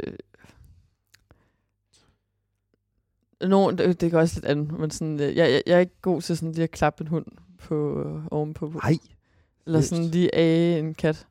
Min kæreste, han har en kat, Ja. øh, der hedder Findus. Findus, selvfølgelig. Øhm, jeg vil virkelig ønske, at jeg bare kunne æde Findus, men både fordi Findus altid øh, tager sin pote og, og river efter mig, hver gang jeg går forbi, øhm, men også bare øh, frygten for, at han lige drejer hovedet bider fat. Det, øh, jeg, Så du har sådan en grundlæggende mistro til dyr? ja, Ja. det, det er faktisk ikke så godt, at du siger det på den måde, føler jeg. Nej. Men jeg tror, det er, fordi jeg, jeg vokset... Jeg har haft en kanin, øhm, som min mor kom til at forgifte. Øhm, det, var lidt uheldigt. Men du jeg, bliver nødt til lige at fortælle den historie. det, det, det er faktisk... Jeg, jeg tror også lidt, at jeg har fået min uforkom, ukomfortabelhed fra min far. Ja. Han er heller ikke så glad for, øh, for dyr. Øh, lidt sjov i forhold til, at hans mor egentlig kommer fra, fra øh, landet. Men, øhm, og han øh, vidste ikke, vi skulle have en kanin. Det var ligesom mig, der havde en legeaftale øh, med nogle venner i sådan en spisegruppe, som man havde i folkeskolen, hvor man inviterede hinanden hjem og spiste mad sammen. Øhm, og så var vi gået en tur ud på Amager, og så var vi gået forbi en dyrehandler, og min mor, hun ligesom går med os, fordi vi gik kun i 18 eller sådan noget. Øh, og så havde jeg på en eller anden måde overtalt mor til at købe en kanin. Jeg ved ikke, om den var øh, ufattelig billig. Min mor, hun er meget glad for tilbud, øh, og god til at finde de gode af dem. Øhm, men på en eller anden måde, så får jeg et bur og en kanin og det hele med hjem, og sådan, alle har totalt optur over, at jeg lige har fået den her kanin. Jeg ved heller ikke, om det er, fordi der var mange andre børn med, det var sådan lidt fedt at give sit, sit barn en kanin eller et eller andet. øhm, og så kommer min far bare hjem, og så er der en kanin. Og øhm, min far, han, han er virkelig, altså han, han skal vide ting på forhånd, og øh, han skal heller ikke have en kanin. Øhm, og så havde vi den, jeg tror, vi havde øh, søde Maja i to eller to og et halvt år. Øh, og på den tid tror jeg også, at øh, hun fik bidt i hvert fald 10 af min fars oplad over. Øhm, og så løb bare rundt under sengen. Den, den var lidt uhyggelig også, og den bed også en del. altså, det, det, var, det, var, det var, jeg forstår godt, at min far er fan. Men så er det sådan, at øh, kernerne i et æble Åh oh, nej, nej, nej, øh, nej, nej. har noget syre i, Ja. som der øh, er ret øh, farligt. Øhm, og så har min mor bare lagt en masse æbler ind til Maja. Og så i morgen, så lægger Maja sådan Helt død. inde ja. i, øhm, i buret. øhm, jeg kan ikke huske, hvor hårdt jeg tog det. Jeg kan huske, at min far han var ret glad. Øh, og min mor var nok den, der var mest ked af det egentlig. Ja. Øhm, jeg tror ikke, jeg, jeg, var, jeg, jeg var også lidt træt af hende på det tidspunkt, tror jeg. Klassikeren. Ja. Jeg har haft absurd mange dyr Ja. i min opvækst. Mm. Slanger? Øh, nej, nej, nej, nej. Jeg har aldrig du- fået okay. lov til at få okay, de her ting. Okay, det var bare, okay, det var Måske bare heldigvis. Ja. Heldigvis. For folk synes, det er mærkeligt. Det, det behøver jeg vel ikke at sige, at man ikke skal gøre det. Nej, hvis nej, man nej. godt kan lide dem. Jeg har haft øh, et par hunde. Mm. Øh, Flere på en gang, eller bare en? Ja, det har jeg faktisk. Okay. Vi startede med... Øhm, nu får jeg lige min lille hundehistorie her. Mm. Vi startede med Bina. Mm. Sødt navn. Ja, hun, hun var træls. Nå. Hun havde rigtig meget Jo. sukkersyge. Hun kunne rigtig godt lide mad. Hun har blandt andet spist adskillige af mine julekalendere. Det er simpelthen at banke dem ned fra min reol og åbne dem med poterne og æde af chokolade. Det, det synes jeg alligevel, der, der er noget... Øh, altså noget... Øh, hun, hun er dedikeret. Hun er meget hun, hun dedikeret. ved, hvordan hun får chokoladen ud. Meget. Det er alligevel... Altså, det er svært for et lille barn at åbne en julekalender nogle gange. Altså mad betød alt for den der hund. Ja. Altså man, kunne, man skulle stå meget, altså man skulle stå ovenpå stolen og Mm. spise sin mælkesnitte, fordi ellers haps hun den. Nå, hun, øh, hun blev aflivet på grund af sukkersyge. Ja. Rip. Hvor lang tid var, havde du hende? Jamen, jeg tror faktisk, altså jeg, var, jeg blev født, imens hun øh, var der, så Okay. jeg tror, da jeg var 8 eller sådan noget. Åh, oh, det, Jeg kan tydeligt huske, at jeg gik hjem og spillede Lego Star Wars, efter hun var blevet øh, aflevet i hvert fald, så jeg har ikke været så gammel. Mm. Nå, men så fik vi, så fik vi Mickey. Mm. Øh, og det er en hund, Mm. kan man vist roligt sige. Øh, som gjorde lidt, hvad den selv bestemt, Mhm. den ville. Og ja, den, den var ulydig, simpelthen. Og det Mm. endte med, at den løb ud foran en motorcykel. Hvor I så det. Ja, desværre. Jeg følte, det var min skyld dengang, for det var mig, der skulle gå tur med ham. Og det, det var, altså, du har set... ja, Ej, det, hvor gammel det var du der? modbydeligt. Ja. Jeg tror, jeg en 13 år eller sådan noget. Ej, ej. Altså, det, Og så skulle han aflives, fordi at, at der var så meget, der var ødelagt i ham, at det ville koste os adskillige tusind kroner at få, få ham repareret. Så fik vi dejlig, dejlig, dejlig Balder. Okay, Nå, Balder, det er et sødt navn. Ja, og han var det mest hjertevarme væsen på den her jord. Nå. Han, øh, ja, han, ham havde vi indtil øh, jeg flyttede, Mm. og han blev aflivet her for to år siden. Mm. Simpelthen på grund af alderdom. Ja. Så han blev en gammel hund. Ja. Øhm, Men det, det er lang, en stor del af den opvækst, du så har haft ham. Meget, Ja. meget. Og ham gik jeg tur med hver dag, og Nå. Han tog mine tasker, når jeg kom hjem fra træning og sådan noget. Så, så, gik, så tog han dem i munden og gik ind Ej, dem på mit nå. værelse, og Nå. gjorde alt, hvad vi sagde, og, og ventede altid på, at det var hans tur til at spise og sådan noget. Dejlig, dejlig hund. Nå. Nogle korte dyrehistorier. Mm. Øhm, jeg havde et marsvin. Ja. Jeg kan ikke engang huske, hvad den hed. Nej. Og, Så øhm, du har været lille? jeg Eller er det bare... lille. Ja, jeg tror, jeg okay. var 6 år eller sådan noget. Okay. Samtidig med, I så har haft hund? Ja. Okay. Der er, der er ikke sådan en, en historie om en, der spiser den anden? Ej, der der er ikke nogen, der spiser nogen. Okay. Ja, Det er næsten værre, faktisk, fordi at... Øh, jeg har venner på besøg. Og en af mine venner kommer til at... Øh, han sætter sig i min seng, Nej. og jeg har lige haft marsvinet ude. Nej, nej, nej. Og det eneste, vi hører, det er... Nej. Og så, øh, når han løfter rumpen fra min seng, så er der et dødt marsvin. Og hvor gammel er person med det? Altså, Jamen, vi er 6-7 år gamle. ej, eller sådan. forestil dig at være 6 år gammel, og så gå til at dræbe et marsvin ved at sidde på det. Ej, det er forfærdeligt. Altså, et marsvin, det, marsvin er ret stort. Det er ikke en hamster. Ej, det, nej, de er ret store. Man mærker det, men de er heller ikke særlig robuste. Men en 6-årig må da ikke veje nok. Altså, Ej, prøv at høre her. Hvis du sætter det oven, hvis du ja, rigtig ja, sådan, ja, okay. med rumpen direkte ned på den. Nå, stakkels Var den bare marsvin. død? Rest Altså in sådan- peace. Den var så død. Ej, hvor vildt. Og så havde jeg en undulat, Nå. og vi skulle på ferie. Mm. Og min nabo, øh, hun var nogenlunde jævnaldrende med mig, hun skulle selvfølgelig Mm. passe den her undulat. Ja. Og Hvilken farve var undulaten? den var grøn. Grøn. Kan, så, kan øh, undulater være andre farver? Kan de godt være blå? Ja, Okay. de kan være mange forskellige farver. Nej. Og vi, jeg tænker, yes, jeg kommer hjem, og så har jeg min dejlige ondulat øh, Åh, i nej. mit fuglebur. Og så det... Men hun tænker selvfølgelig, at det er sommer, og hun skal selvfølgelig ud og lufte den her ondulat. Nej. Og forældre, det er det eneste minut, hvor forældrene ikke kigger på hende passe den her ondulat. Og hun vil selvfølgelig gerne. Hun tænker, at den der ondulat, den flyver op på skulderen, og den hygger sig med hende, og den gør, hvad den har lyst til. Men Ja. nej, ondulaten, den flyver bare sin vej. Og så så vi aldrig den. ja. Var, var det sådan en måde, hvor I så også gik ud og ledte efter undulaten? Ja, vi, Eller lavede sådan en- lavede sådan en de, ringede, de ringede til os, og så øh, gik vi rundt og kiggede. Og vi Mm. ringede til alle naboerne og var sådan, vil I ikke prøve at finde den der ondulat? Den var væk. Nå. Og det var sommer, det her det skete. Mm. Og øh, det er også blevet sommer nu. Første, 1. sommer. juni. Ja, Det er første dag i sommer. ja, det kan man ikke se udenfor. Nej, nej. Ej, det var, det var øh, lidt godt været tidligere. Lige da vi... Øh, Meget. Har du nogle sommerritualer? Uh. Øhm, der er en badebro på Christianshavn, øh, som mig mine venner rigtig godt kan lide at hoppe ud i vandet fra. Så det, Dejligt. det plejer jeg lidt at gøre hvert år. Dejligt. Ja. Jeg skifter altid sådan lidt øh, musiksmag, når det bliver sommer. Mm. Jeg skal høre noget, der er lidt mere upbeat, eller noget, der sådan er traditionsrigt for mig for sommer. Mhm. Jeg, Ja. jeg akkumulerer altid, eller hvad fanden det hedder, samler nogle sange op Mm. hver sommer, og så hører jeg dem. Laver en sommerplaylist Ja, og det er den sang, jeg første gang ligesom rigtig sat på, som var min Ja. sommersang. Nu er sommeren begyndt. Ja. Det er en sang med Calvin Harris og Mhm. Frank Ocean, som hedder Mhm. Slide, Banger. øhm, som jeg synes er rigtig dejlig, og bare gør mig virkelig glad. Så den synes jeg, vi skal høre nu. Det lyder godt.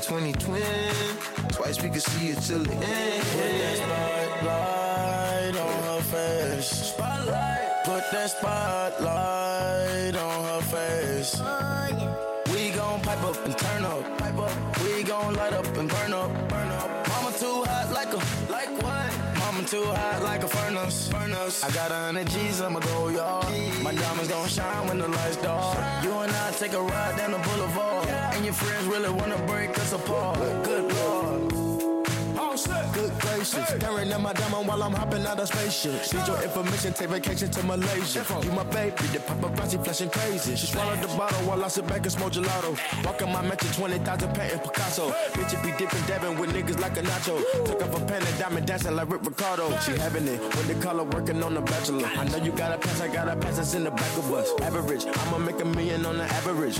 I'm riding with no brain, bitch, I'm out of it. Do you slide on all your nights like this? Do you try on some spice.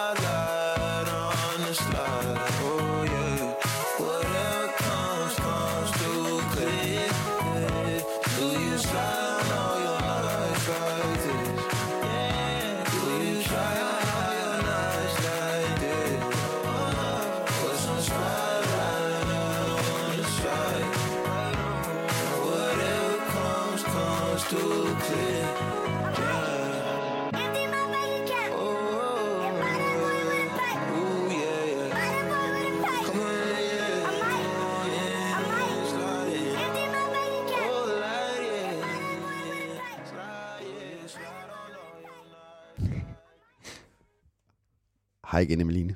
Hej igen, Lasse. Er du et sommerbarn? Et sommerbarn. Øhm, jeg vil ikke sige, at jeg er et vinterbarn, men jeg er heller ikke så god til varme. Okay. Eller sådan, øh, jeg får det bare rigtig varmt. men jeg har også fundet ud af, at jeg, jeg, øh, der er et eller andet... Altså, jeg, jeg tror også, jeg har en underlig måde at øh, varme bevæge sig rundt. Jeg sveder ikke så meget. Seriøst. Jamen, jeg, jeg var, øh, vi har sådan en øh, lille bitte øh, infrarød sauna i mit sommerhus, fordi at vi øh, leger mit sommerhus ud til tyske turister. Og det gør åbenbart en rigtig stor forskel, hvis der står sådan sauna i det der sådan indhold i sommerhusagtigt. så min mor, hun har købt sådan en lille bitte, der kan sidde to mennesker derinde, øh, infrarød sauna. Øhm, og jeg var i øh, den her infrarød sauna med min kæreste, øh, tilbage, da vi var i sommerhuset i- over julen. Øh, og den måde, vi reagerede på varme, var totalt modsat. Ja. Hvordan? Altså, jeg, jeg kom ikke til at sidde på noget tidspunkt i de 20 minutter, jeg kunne holde ud og sidde derinde.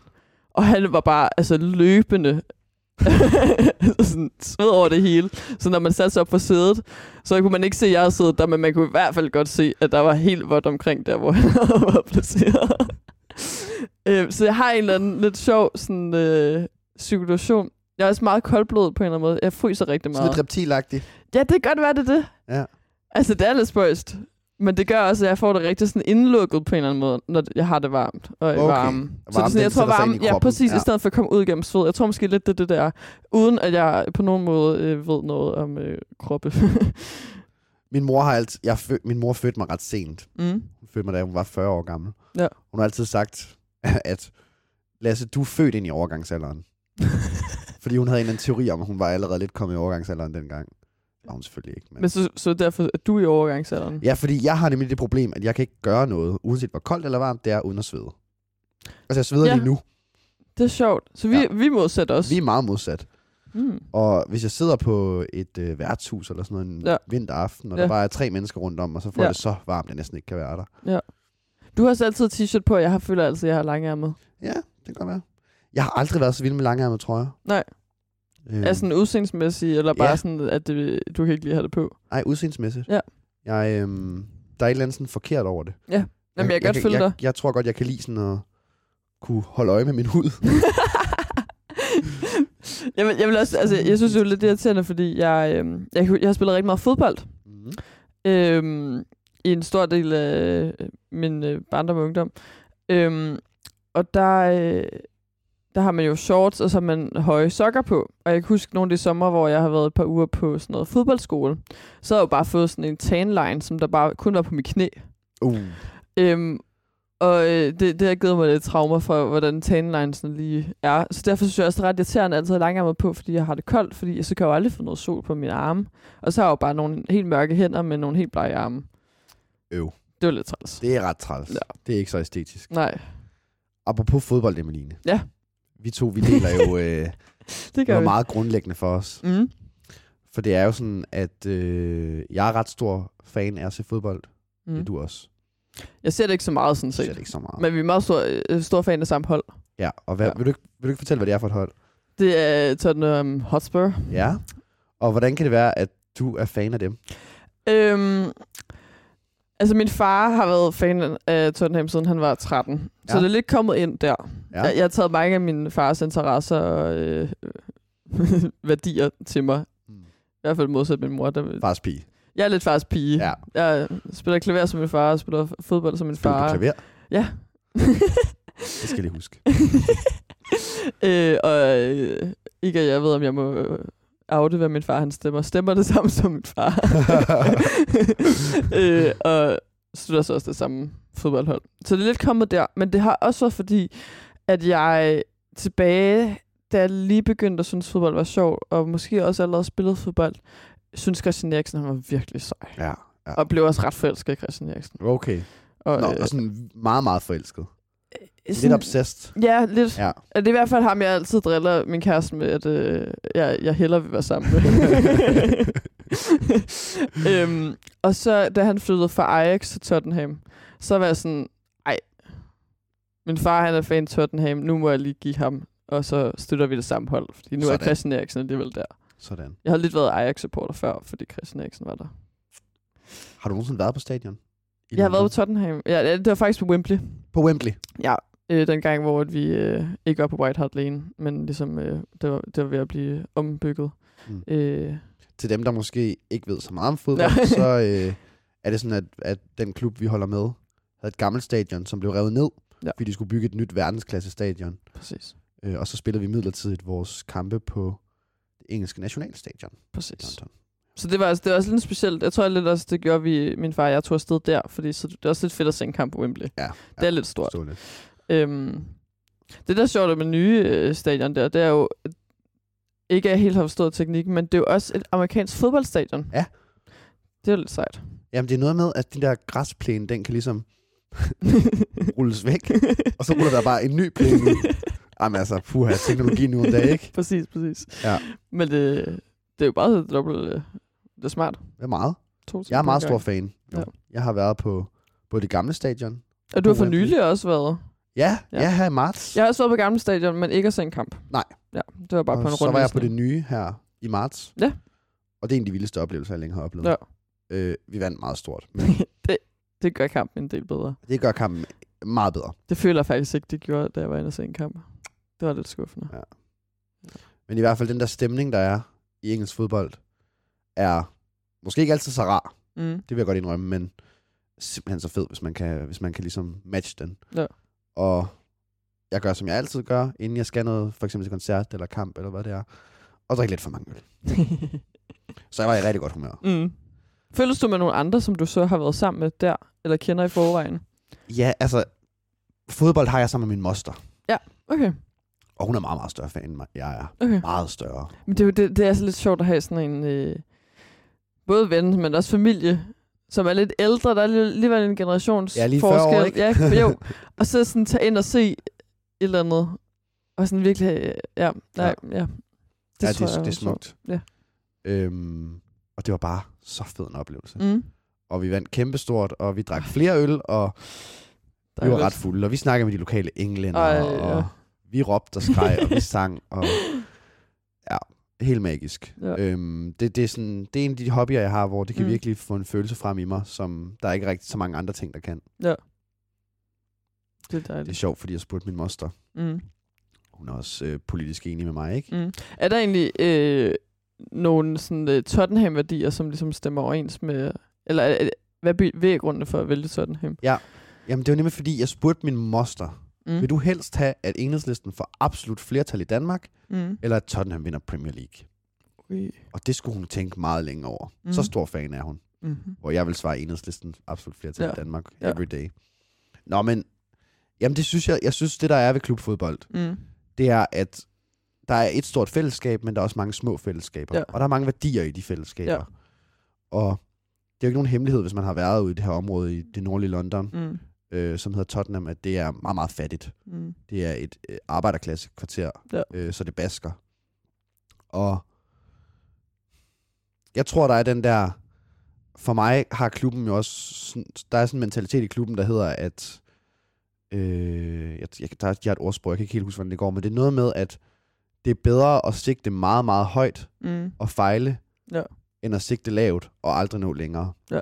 Jeg kan ikke helt huske, hvordan det er, den er. Og det føler jeg også bare på en eller anden måde øh, indkapsler hvad, sådan, den kamp, vi kæmper i Ja. vores øh, parti og vores Ja. bevægelse øh, på en eller anden måde. Så for mig er det også... Der er noget politisk over at være Ja. fodboldfan. Ja. Og hvad med dig? Mm.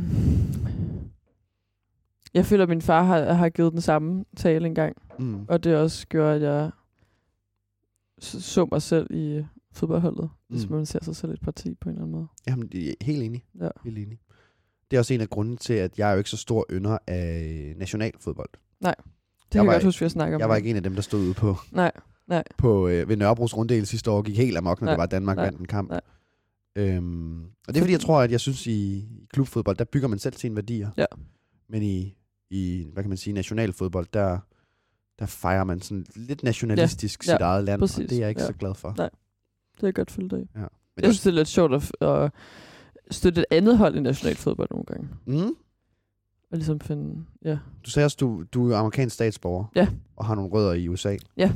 Og øh, det amerikanske landshold er ikke så god, Men, men jeg tror, at det, i kvindefodbold, der er mange, Mhm. der ikke er så glade for kvindefodbold. desværre. Men der er nogle ret seje kvindelige amerikanske fodboldspillere. Ja. Øhm, så der tror jeg, at det er lidt sjovere. Ikke at jeg har set så meget amerikansk kvindefodbold for den sags skyld. Nej, det- mm, Min far snakker om en del. Det bliver stort snart, håber Ja, jeg. det håber jeg også. Det er Jeg synes, jeg synes, det har været lidt større, end hvad der ellers har været. Jamen, der var også et år, hvor vi kom rigtig langt. Ja. Eller hvor Danmark kom rigtig langt. Ja. Øhm, Og vi har også nogle ret seje kvindelige øh, fodboldspillere i Danmark. Pernille Harder blandt andet. Det er ved at blive tid til øh, næste sang. Ja.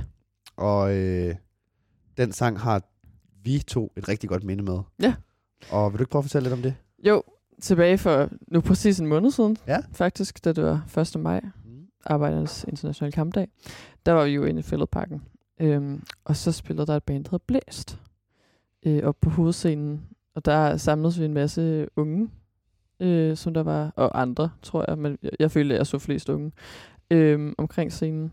Mm. Og havde en virkelig god koncert, synes jeg. Mm. Det var ret De er jo sjovt. skide gode. Ja. Jeg håber, de bliver rigtig store. Ja. Og de kom også på Roskilde. Ja. Ja. og, hvad, og sangens navn er Kig op for gulvet. Lad os sætte den på. Jeg behøver ikke at være her Nej, nej, gider ikke snakke Jeg vil bare bevæge mig lidt mere Du kommer ned med to drinks Ja, tak en til min højre, en til min venstre Lad der komme flere. Danser op mod morgenen. Vent lige lidt med solen. Vent lige med i morgen. Det her, det er en god ting. Jeg behøver ikke at være her. Jeg vil bare bevæge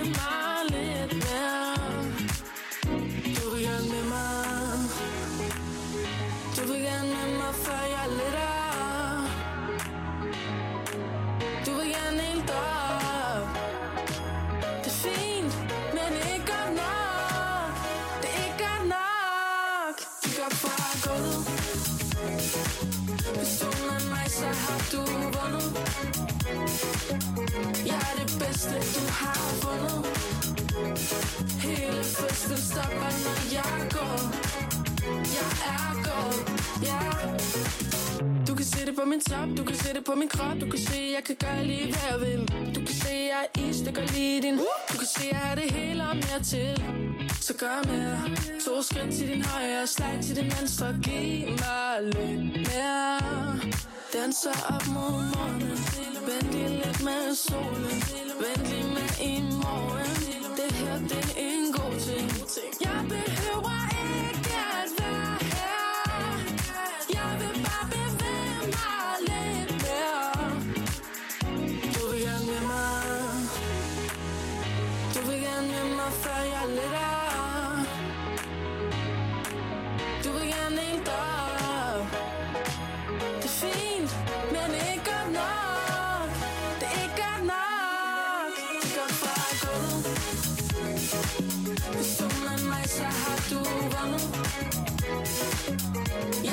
bedste, du har fundet. Hele festen stopper, når jeg går. Jeg er gået, ja yeah. da, da, da, da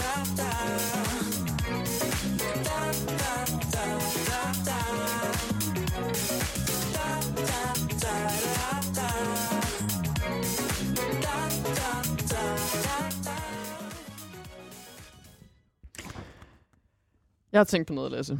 Ja. Øhm, jeg, jeg kan meget, nogle gange så kan jeg meget godt lide at tænke, øh, hvis jeg nu øh, synes, livet er lidt svært. Ja. Så kan jeg godt lide at finde inspiration hos andre, og tænke over, hvem jeg er ligesom inspireret af. Ja. Og prøve at se på, hvad de gør, som der måske kunne gøre, at jeg havde lidt sjovere. Mm. Hvem er du mest inspireret af? Må jeg godt sige to personer på samme tid? Altså, ja, du må godt svare to personer, ja. Ja. Jamen det er fordi, at jeg kommer til at komme med en kliché her. Mm. Og så kommer jeg til at sige min mor. Ja. Men det er sådan, at øh, da jeg var 0 år gammel, Mm. så gik det op for min mor, at øh, hun var øh, syg, Mm. psykisk syg, Mm. og havde en sygdom, der gjorde, at hun ikke kunne tage vare om et barn. Ja. Øh, og der var ikke noget med tvangsfjernelse, der var ikke noget Mm. med, med drama omkring det. Det var en, helt, sin helt egen beslutning, fordi hun vidste, det ville give mig det bedste liv. Så Ja. hun, øh, hun var ude og besøge forskellige plejefamilier, Mm. som gerne ville... Der var faktisk en, en annonce i avisen og alt muligt. Ja, men det, det er jo sådan, man fandt folk dengang, ikke? Det var ikke Facebook ja, eller... Det var, det var ikke det, man tænker i dag, at man vil gøre. Jamen, der var ikke så meget byråkrati dengang. Nej, nej. Og hun, øhm, hun finder den her helt fantastiske plejefamilie Mm. øh, i Troldhed, som jeg, jeg flytter ud til. Mm. Jeg er meget lille, jeg, altså jeg er 3-4 måneder eller sådan noget. Ja. Og der er også min plejemor der, Mm. er nemlig også en af mine største inspirationskilder. Ja. Så på en måde er jeg et perfekt eksempel på det der mellem en blanding af arv og miljø. Ja. Ja. Fordi jeg holder lige meget af Begge. øh, dem begge to. Ja.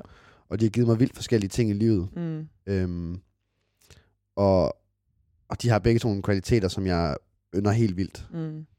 Ja. Øhm, altså det der med, fra min biologiske mors side, at, at have så meget kærlighed til sit barn, at du anerkender, Ja. hvad der er bedst for dit Mm. barn, og ikke bare, hvad der er bedst for dig. Jeg har stadig rigtig god kontakt til hende i øvrigt, Ja, ja. og så hende ugenligt, da det var, jeg boede i Troldhed. Øh, og det med min plejemor, det der med altid at tage børn ind og behandle dem som sine egne, Ja. og have den der hjertevarme til at, til, øhm, til at behandle alle lige, Mm. og til at stole på det bedste i mennesker altid. Ja. Øhm, det synes jeg er vildt smukt. Ja. Og det kan jeg her på et kvarter i radioen slet ikke understrege med ord, hvor Mm. meget har betydet for Mm. mig. Det er en smuk historie. Ja, det synes jeg også. Øh, og der boede jeg så hele mit liv, ja. indtil jeg flyttede Ja. øh, ud. Og snakker stadig både med min plejemor og Mm. min biologiske mor jævnligt. Ja. Om alt mellem himmel og jord. Hvad med dig?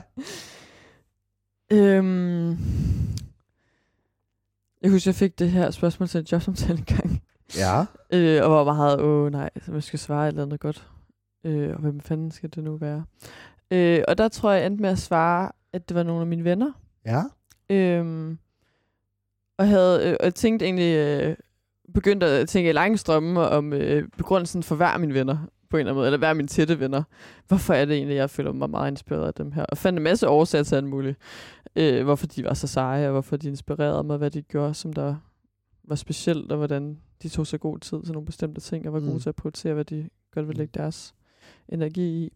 Øh, og så gik det så for mig, at øh, jeg kunne ikke stå og holde en 40-50 minutters lang præsentation om hver mine venner, og hvor dejligt de var. Øhm, så der, jeg tror bare, jeg endte med at svare, jeg har nogle venner, som der gør mange seje ting. Dem er jeg inspireret. Ja. Øhm, Jamen, der er mange mennesker, der inspirerer mig mm. på forskellige måder. Ja. Øh, folk, der er meget ligesom mig, også folk, der er meget forskellige. Ja. Øhm, og jeg tror, det der bare gør, at jeg kan svare så stensikkert, at det er min biologiske mor, min Mm. plejemor, det er bare de Mm. der værdier. Ja. Altså, det er for mig, ja. så min plejemor, det er at, øh, at bruge det overskud, man selv har, til at give nogen, der ikke kan selv. Ja. Det synes Ja. jeg er virkelig, virkelig smukt. Ja. Og, øhm, og det er sådan, det tror jeg også er grundlæggende for, at når jeg ser sådan nogle kvaliteter i andre mennesker, så Mm. bliver jeg vildt betaget af dem. Ja. Ja. ja. Og jeg tror også, at, at den der med, at altså det, det skal man, man, man jo egentlig mene, at ens forældre skal gøre, men sådan, den der accept på, på øh, altså uanset hvad man gør, Mm. Og, og sådan noget, så bare acceptere det og støtte ind i det. Ja. Øhm, det synes jeg faktisk ikke, at der er nok forældre, der gør for Mm. deres børn, eller Mm. nok, øh, det er selvfølgelig også, fordi der ikke er tid til det derude, mm. men nok Ja. på skolerne og i børnehaverne Ja. og sådan noget, der, Ja. der gør. Enig. Jeg tror, at... Jeg har en sjov historie med min, øh, med min plejemor. Mm. For det var sådan, at, øh, at jeg er homoseksuel. Mm. Og jeg, øh, det tog mig lidt tid sådan lige at, lige at finde ud af det og leve i det. Ja. Og da jeg så skulle ringe til min plejemor og fortælle, åh, åh, jeg har noget, jeg skal fortælle dig, og sådan, så var hun bare sådan, Nå, ja, ej, men det er bare helt fint, Lasse. Det gør du bare. Øh, forresten, hvordan går det med vasketøjet? og på en eller anden måde er det bare sådan en sjov, jysk måde at sige på, det betyder Virkelig ikke noget. ikke Ja. noget for mig. Ja. Og det skal du ikke tænke et Mm. uh, sekund over. Mm. Hvordan tog du det? Jamen, det var nemlig rart, fordi man, Ja. kan jo godt, Okay. man kan godt have brug for at høre, jeg elsker dig, og Ja. uh, her, og ej, hvor er det fantastisk, og går det så godt med det og sådan noget. Men Ja. bare den der helt rolige, Ja. Det gør ikke Øh, nogen forskel på, hvem du er. ja, det gør ikke nogen forskel. Ja. Det synes jeg er nice. Ja. Har du nogensinde fundet sådan... Altså, har du... Apropos mest inspirerende personer, Mm. har du så nogensinde haft et øjeblik i dit liv, Mm. der var vildt inspirerende for dig, som du altid kan kigge tilbage på og finde styrke i? Hvor jeg har inspireret mig selv. Måske? Ja, hvis du har det. Øhm, jamen, apropos den der, hele den der gymnasierejse, jeg tog. Ja. tidligere, vi snakker om, øh, der tror jeg, at da det ligesom, da jeg endelig gav slip på drømmen om, at jeg skulle gå et andet sted, jeg ikke hørte til der, hvor jeg ligesom er blevet placeret. Og jeg ligesom anerkendte, at det var et fedt sted, jeg var. Mm. Det var lidt et stort realiseringsmoment for mig. Og det var også, det var, jeg, har, jeg har altid været meget sådan, øh, øh, principfast. Ja. Hvilket kan være meget farligt. Ja, men det altså, kan også være meget godt. Det kan også være godt. Man skal også have styr på sine principper. Øhm, men det der med ligesom at sige, okay, nu elsker jeg det her sted for, hvad det er, i stedet for altid at prøve at finde fejl. Altså jeg, de første tre, fire måneder, jeg gik på gymnasiet, så prøvede jeg hele tiden at komme ind på det gymnasium, jeg oprindeligt havde søgt ind på, og blev ved med at rundt og finde de ting, jeg synes, der var galt med gymnasiet, og hvorfor det jeg egentlig hel- eller var gået på, var bedre.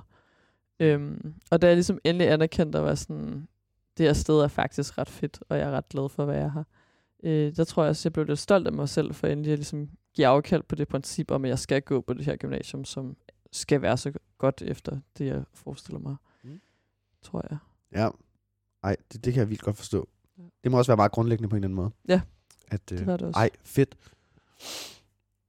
Jeg tror, det er også bare, man kan altid pege på, tænker jeg. Mm. For eksempel, nu var jeg til den her fodboldkamp. Ja. Nu var jeg til den her koncert. Mm. Nu var jeg til den her fest. Mm. Mm. Sådan noget ting. Mm. Det var virkelig et stort moment i mit liv. Ja. Men det er måske mere de der tankestrømme, Ja, ja. man har, der Ja. i virkeligheden sætter, Ja, det store sætter forskel. retningen. Ja. Ja. Ja. Og ligesom lægger grund, grundstenene for nogle værdier, man Mm. gerne vil føre Mm. sit liv på. Ja. Var det... Det gymnasium, nu skal vi lige tilbage til det gymnasium, Mm. tænker jeg. Mm. Var det sådan... Ja, det er, en, det er en dejlig samtale, Mm, ikke? Så kan mm. man også drømme sig lidt tilbage, Ja, når man føler, ja. at man er blevet lidt gammel, ikke? Nå, Man savner det også lidt. Man savner det. Ja. Jeg, jeg savner helt vildt meget at gå i gymnasiet. Nogle gange. Ja. Øh, men var der sådan... Var der nogle sjove traditioner derude? Noget, som du virkelig husker? Øhm, hmm. Mm. Jeg vil gerne finde en tradition, som man ikke gør andre steder. Ja. Rigtig Men bare det gymnasiet skal kunne, eller skole skal kunne, Mm. det er jo ikke bare at undervise en. Man skal også Nej. kunne grine Ja. helt vildt meget. Og kæft, hvor jeg grine i min gymnasietid. Tænker også, du har. Det har jeg virkelig. Ja. Jeg har også virkelig lavet mange forskellige ting. Faktisk, øh, da jeg gik i, øhm, øh, da jeg gik i 3.G, der var der hele corona-nedlukningen, vi stadig lidt påvirket. Vi var, øh, at det var i efteråret, lige jeg startede i 3.G. Øhm, vi var øh, stadig påvirket ved, at sådan, man måtte ikke være i kantinen, og der var håndsprit, og man skulle have masker på gang og sådan nogle ting. Ja. Øhm, øh, og det var virkelig træls og nederen. Og så... Øh, øh, jeg havde faktisk, jeg havde faktisk lidt stjålet det fra min veninde, der gik på Gifjon. Men så lavede jeg sådan et lille udvalg øh, på skolen, der hed Sig det med slik. det var meget, meget fjollet sådan set. Øh, men ideen var, at vi var en lille gruppe, som øh, stod for at øh, holde øje med en MobilePay, hvor folk de kunne sende penge ind, og så skulle de skrive et navn på en person, som ligesom skulle have noget slik. Og så ville vi gå rundt i alle klasserne, og så gå ind, og så ville det være sådan, hey Lasse, du har fået en slik, stikstang for en hemmelig beundrer. Og så må man ikke sige, hvem det var, men man ville ligesom få noget slik. Og så ville ligesom grunden dele det ud til alle mulige de der klasser. Og det blev ret sjovt. Jeg kan huske, øh, i min egen klasse, så var der nogen, der synes, det var ret sjovt øh, at give til en, der hed Theo. Øh, og så gik vi så øh, hen til min klasse, der hed idræt, og så sidder Theo der, og så øh, står jeg og råber op, hvem der skal have noget slik, og så siger jeg, og så skal vi have en karamelstang til Theo. Og vi skal have en til karamelstang til Theo, og en Og til karamelstang til Theo, og en til karamelstang til Theo. Fordi så er alle pigerne, det som sendt øh, de der 5 kroner til, at Theo Ej, han skulle have rigtig mange Ej, hvor smukt. karamelstænger. Jeg håber, Theo har følt sig meget i det moment. Det var meget sjovt. Ja. Og så, så, så, så sjovt så kom der kom en diskussion om, ej, og så kom Malte over og sådan, Tio, hvem har sendt dig de der kamelstænger? Er det hende der Freja fra øh, 2G? Eller? og så var det bare, alle pigerne, der bare havde gjort det som en joke overhovedet, ikke fordi der var særlig mange hemmelige bunder fra de andre klasser. Ej, hvor sødt. Stakkels Theo. Ja. Jeg håber, I har løftet ham på en anden måde. ja. Altså, jeg tror også... Jeg tror, jeg tror, man, man, jeg, jeg kan tit... Gymnasiet var ikke det fedeste i hele verden for mig. Nej. Må jeg indrømme. Ja. Men jeg tror, der er mange ting, som jeg har haft tradition for, på godt og ondt, Mm. som jeg har samlet op i gymnasiet. Ja. Og en af de ting, som jeg bare tydeligt kan huske, jeg gjorde til min første gymnasiefest, som jeg stadig gør den dag i dag, Ja. det er at... Jeg er ikke altid verdens bedste person til at øh, styre mit alkoholforbrug. Mm. Ikke sådan, at jeg gør noget, der er sådan forfærdeligt over for nej, andre mennesker, eller sådan noget, men jeg har tit lidt, lidt en tendens til at forsvinde lidt ud i det blå. Ja. Og det kan jeg huske, jeg gjorde til min første Det gør jeg gymnasiefest. altså også nogle gange, selvom jeg ikke... Men øh, ikke på den måde. Det er ikke, fordi jeg laver en Houdini. okay. Det er vidderligt, fordi jeg, min hjerne fortæller mig, at jeg skal et eller andet. Mm. Et eller andet mærkeligt sted. Ja. Og så forsvinder jeg bare. Ja. Og til min første gymnasiefest, jeg ender så langt væk fra mit gymnasium. og jeg ved ikke, hvad jeg laver derude. Og jeg ender med at ringe til min mor og sige, jeg aner ikke, hvor jeg er. Please hent mig. Og jeg står ude i en eller anden mærkelig skov eller sådan noget. Og sådan, ja, det tager også lang tid, kan jeg helt så sige. Og det er jeg bare blevet ved med at gøre. Og særligt når man bor her i storbyen, Ja. og man ikke helt kan finde rundt. Det må på en eller anden måde være lidt bedre at bo i Storbyen, for det skal jo alligevel kigge op på et vejskilt. Ja, men det er ikke, når det er, man er fanget ude i Valbyparken en eller anden sen aften og har drukket rigtig mange øl. Og ikke aner, hvordan Dejlig det er, Valbyparken. Ja, Valbyparken er et dejligt sted. Det er det bare ikke klokken 4 om natten. Nej. På sin cykel. Nej. Ja. Og det er sådan en ting, det er sådan en af de ting, jeg har taget med fra gymnasiet, Ja. som jeg tror kommer til at følge mig for evigt. Mm. Det der med at forsvinde og ikke rigtig kunne finde hjem igen. Og sådan gå på eventyr. Gå på mit eget fuldemands eventyr, ikke? Mm. Ja. Er det ikke også lidt hyggeligt Jo, i starten. i starten? Så, så, så, så er man, man er lidt beruset, og man Ja. hører Ja. nogle dejlige sange i Ja. sine Airpods, Ja. og øh, Jeg man elsker lidt musik, danser når jeg sådan cykler Ja, hjem fra en fest. lidt. Ja, lige præcis. Ja. Og virkelig har en fest og synger højt Ja. og råber og skriger og sådan noget. Det er bare ikke sjovt, når man ikke kan finde hjem Nej, efter fire nej, timer. nej, det, det kan jeg godt forstå. Ja. Det er jeg enig i.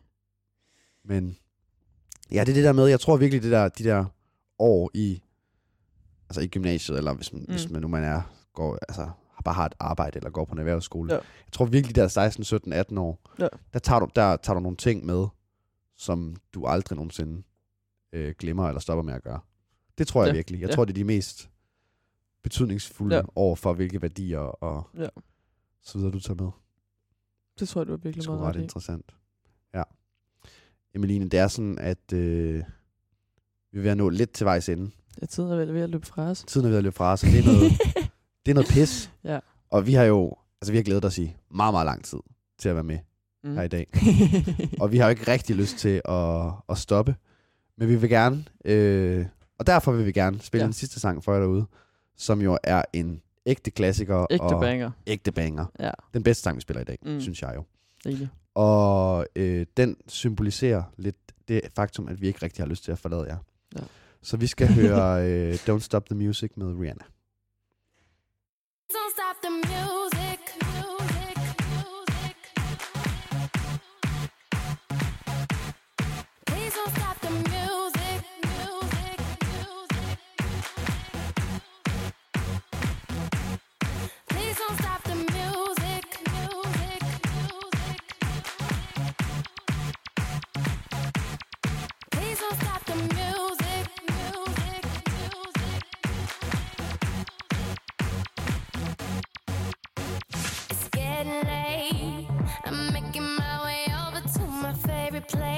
I gotta get my body moving, shake the stress away. I wasn't looking for nobody when you look my way. Possible candidate, yeah. Who knew that you'd be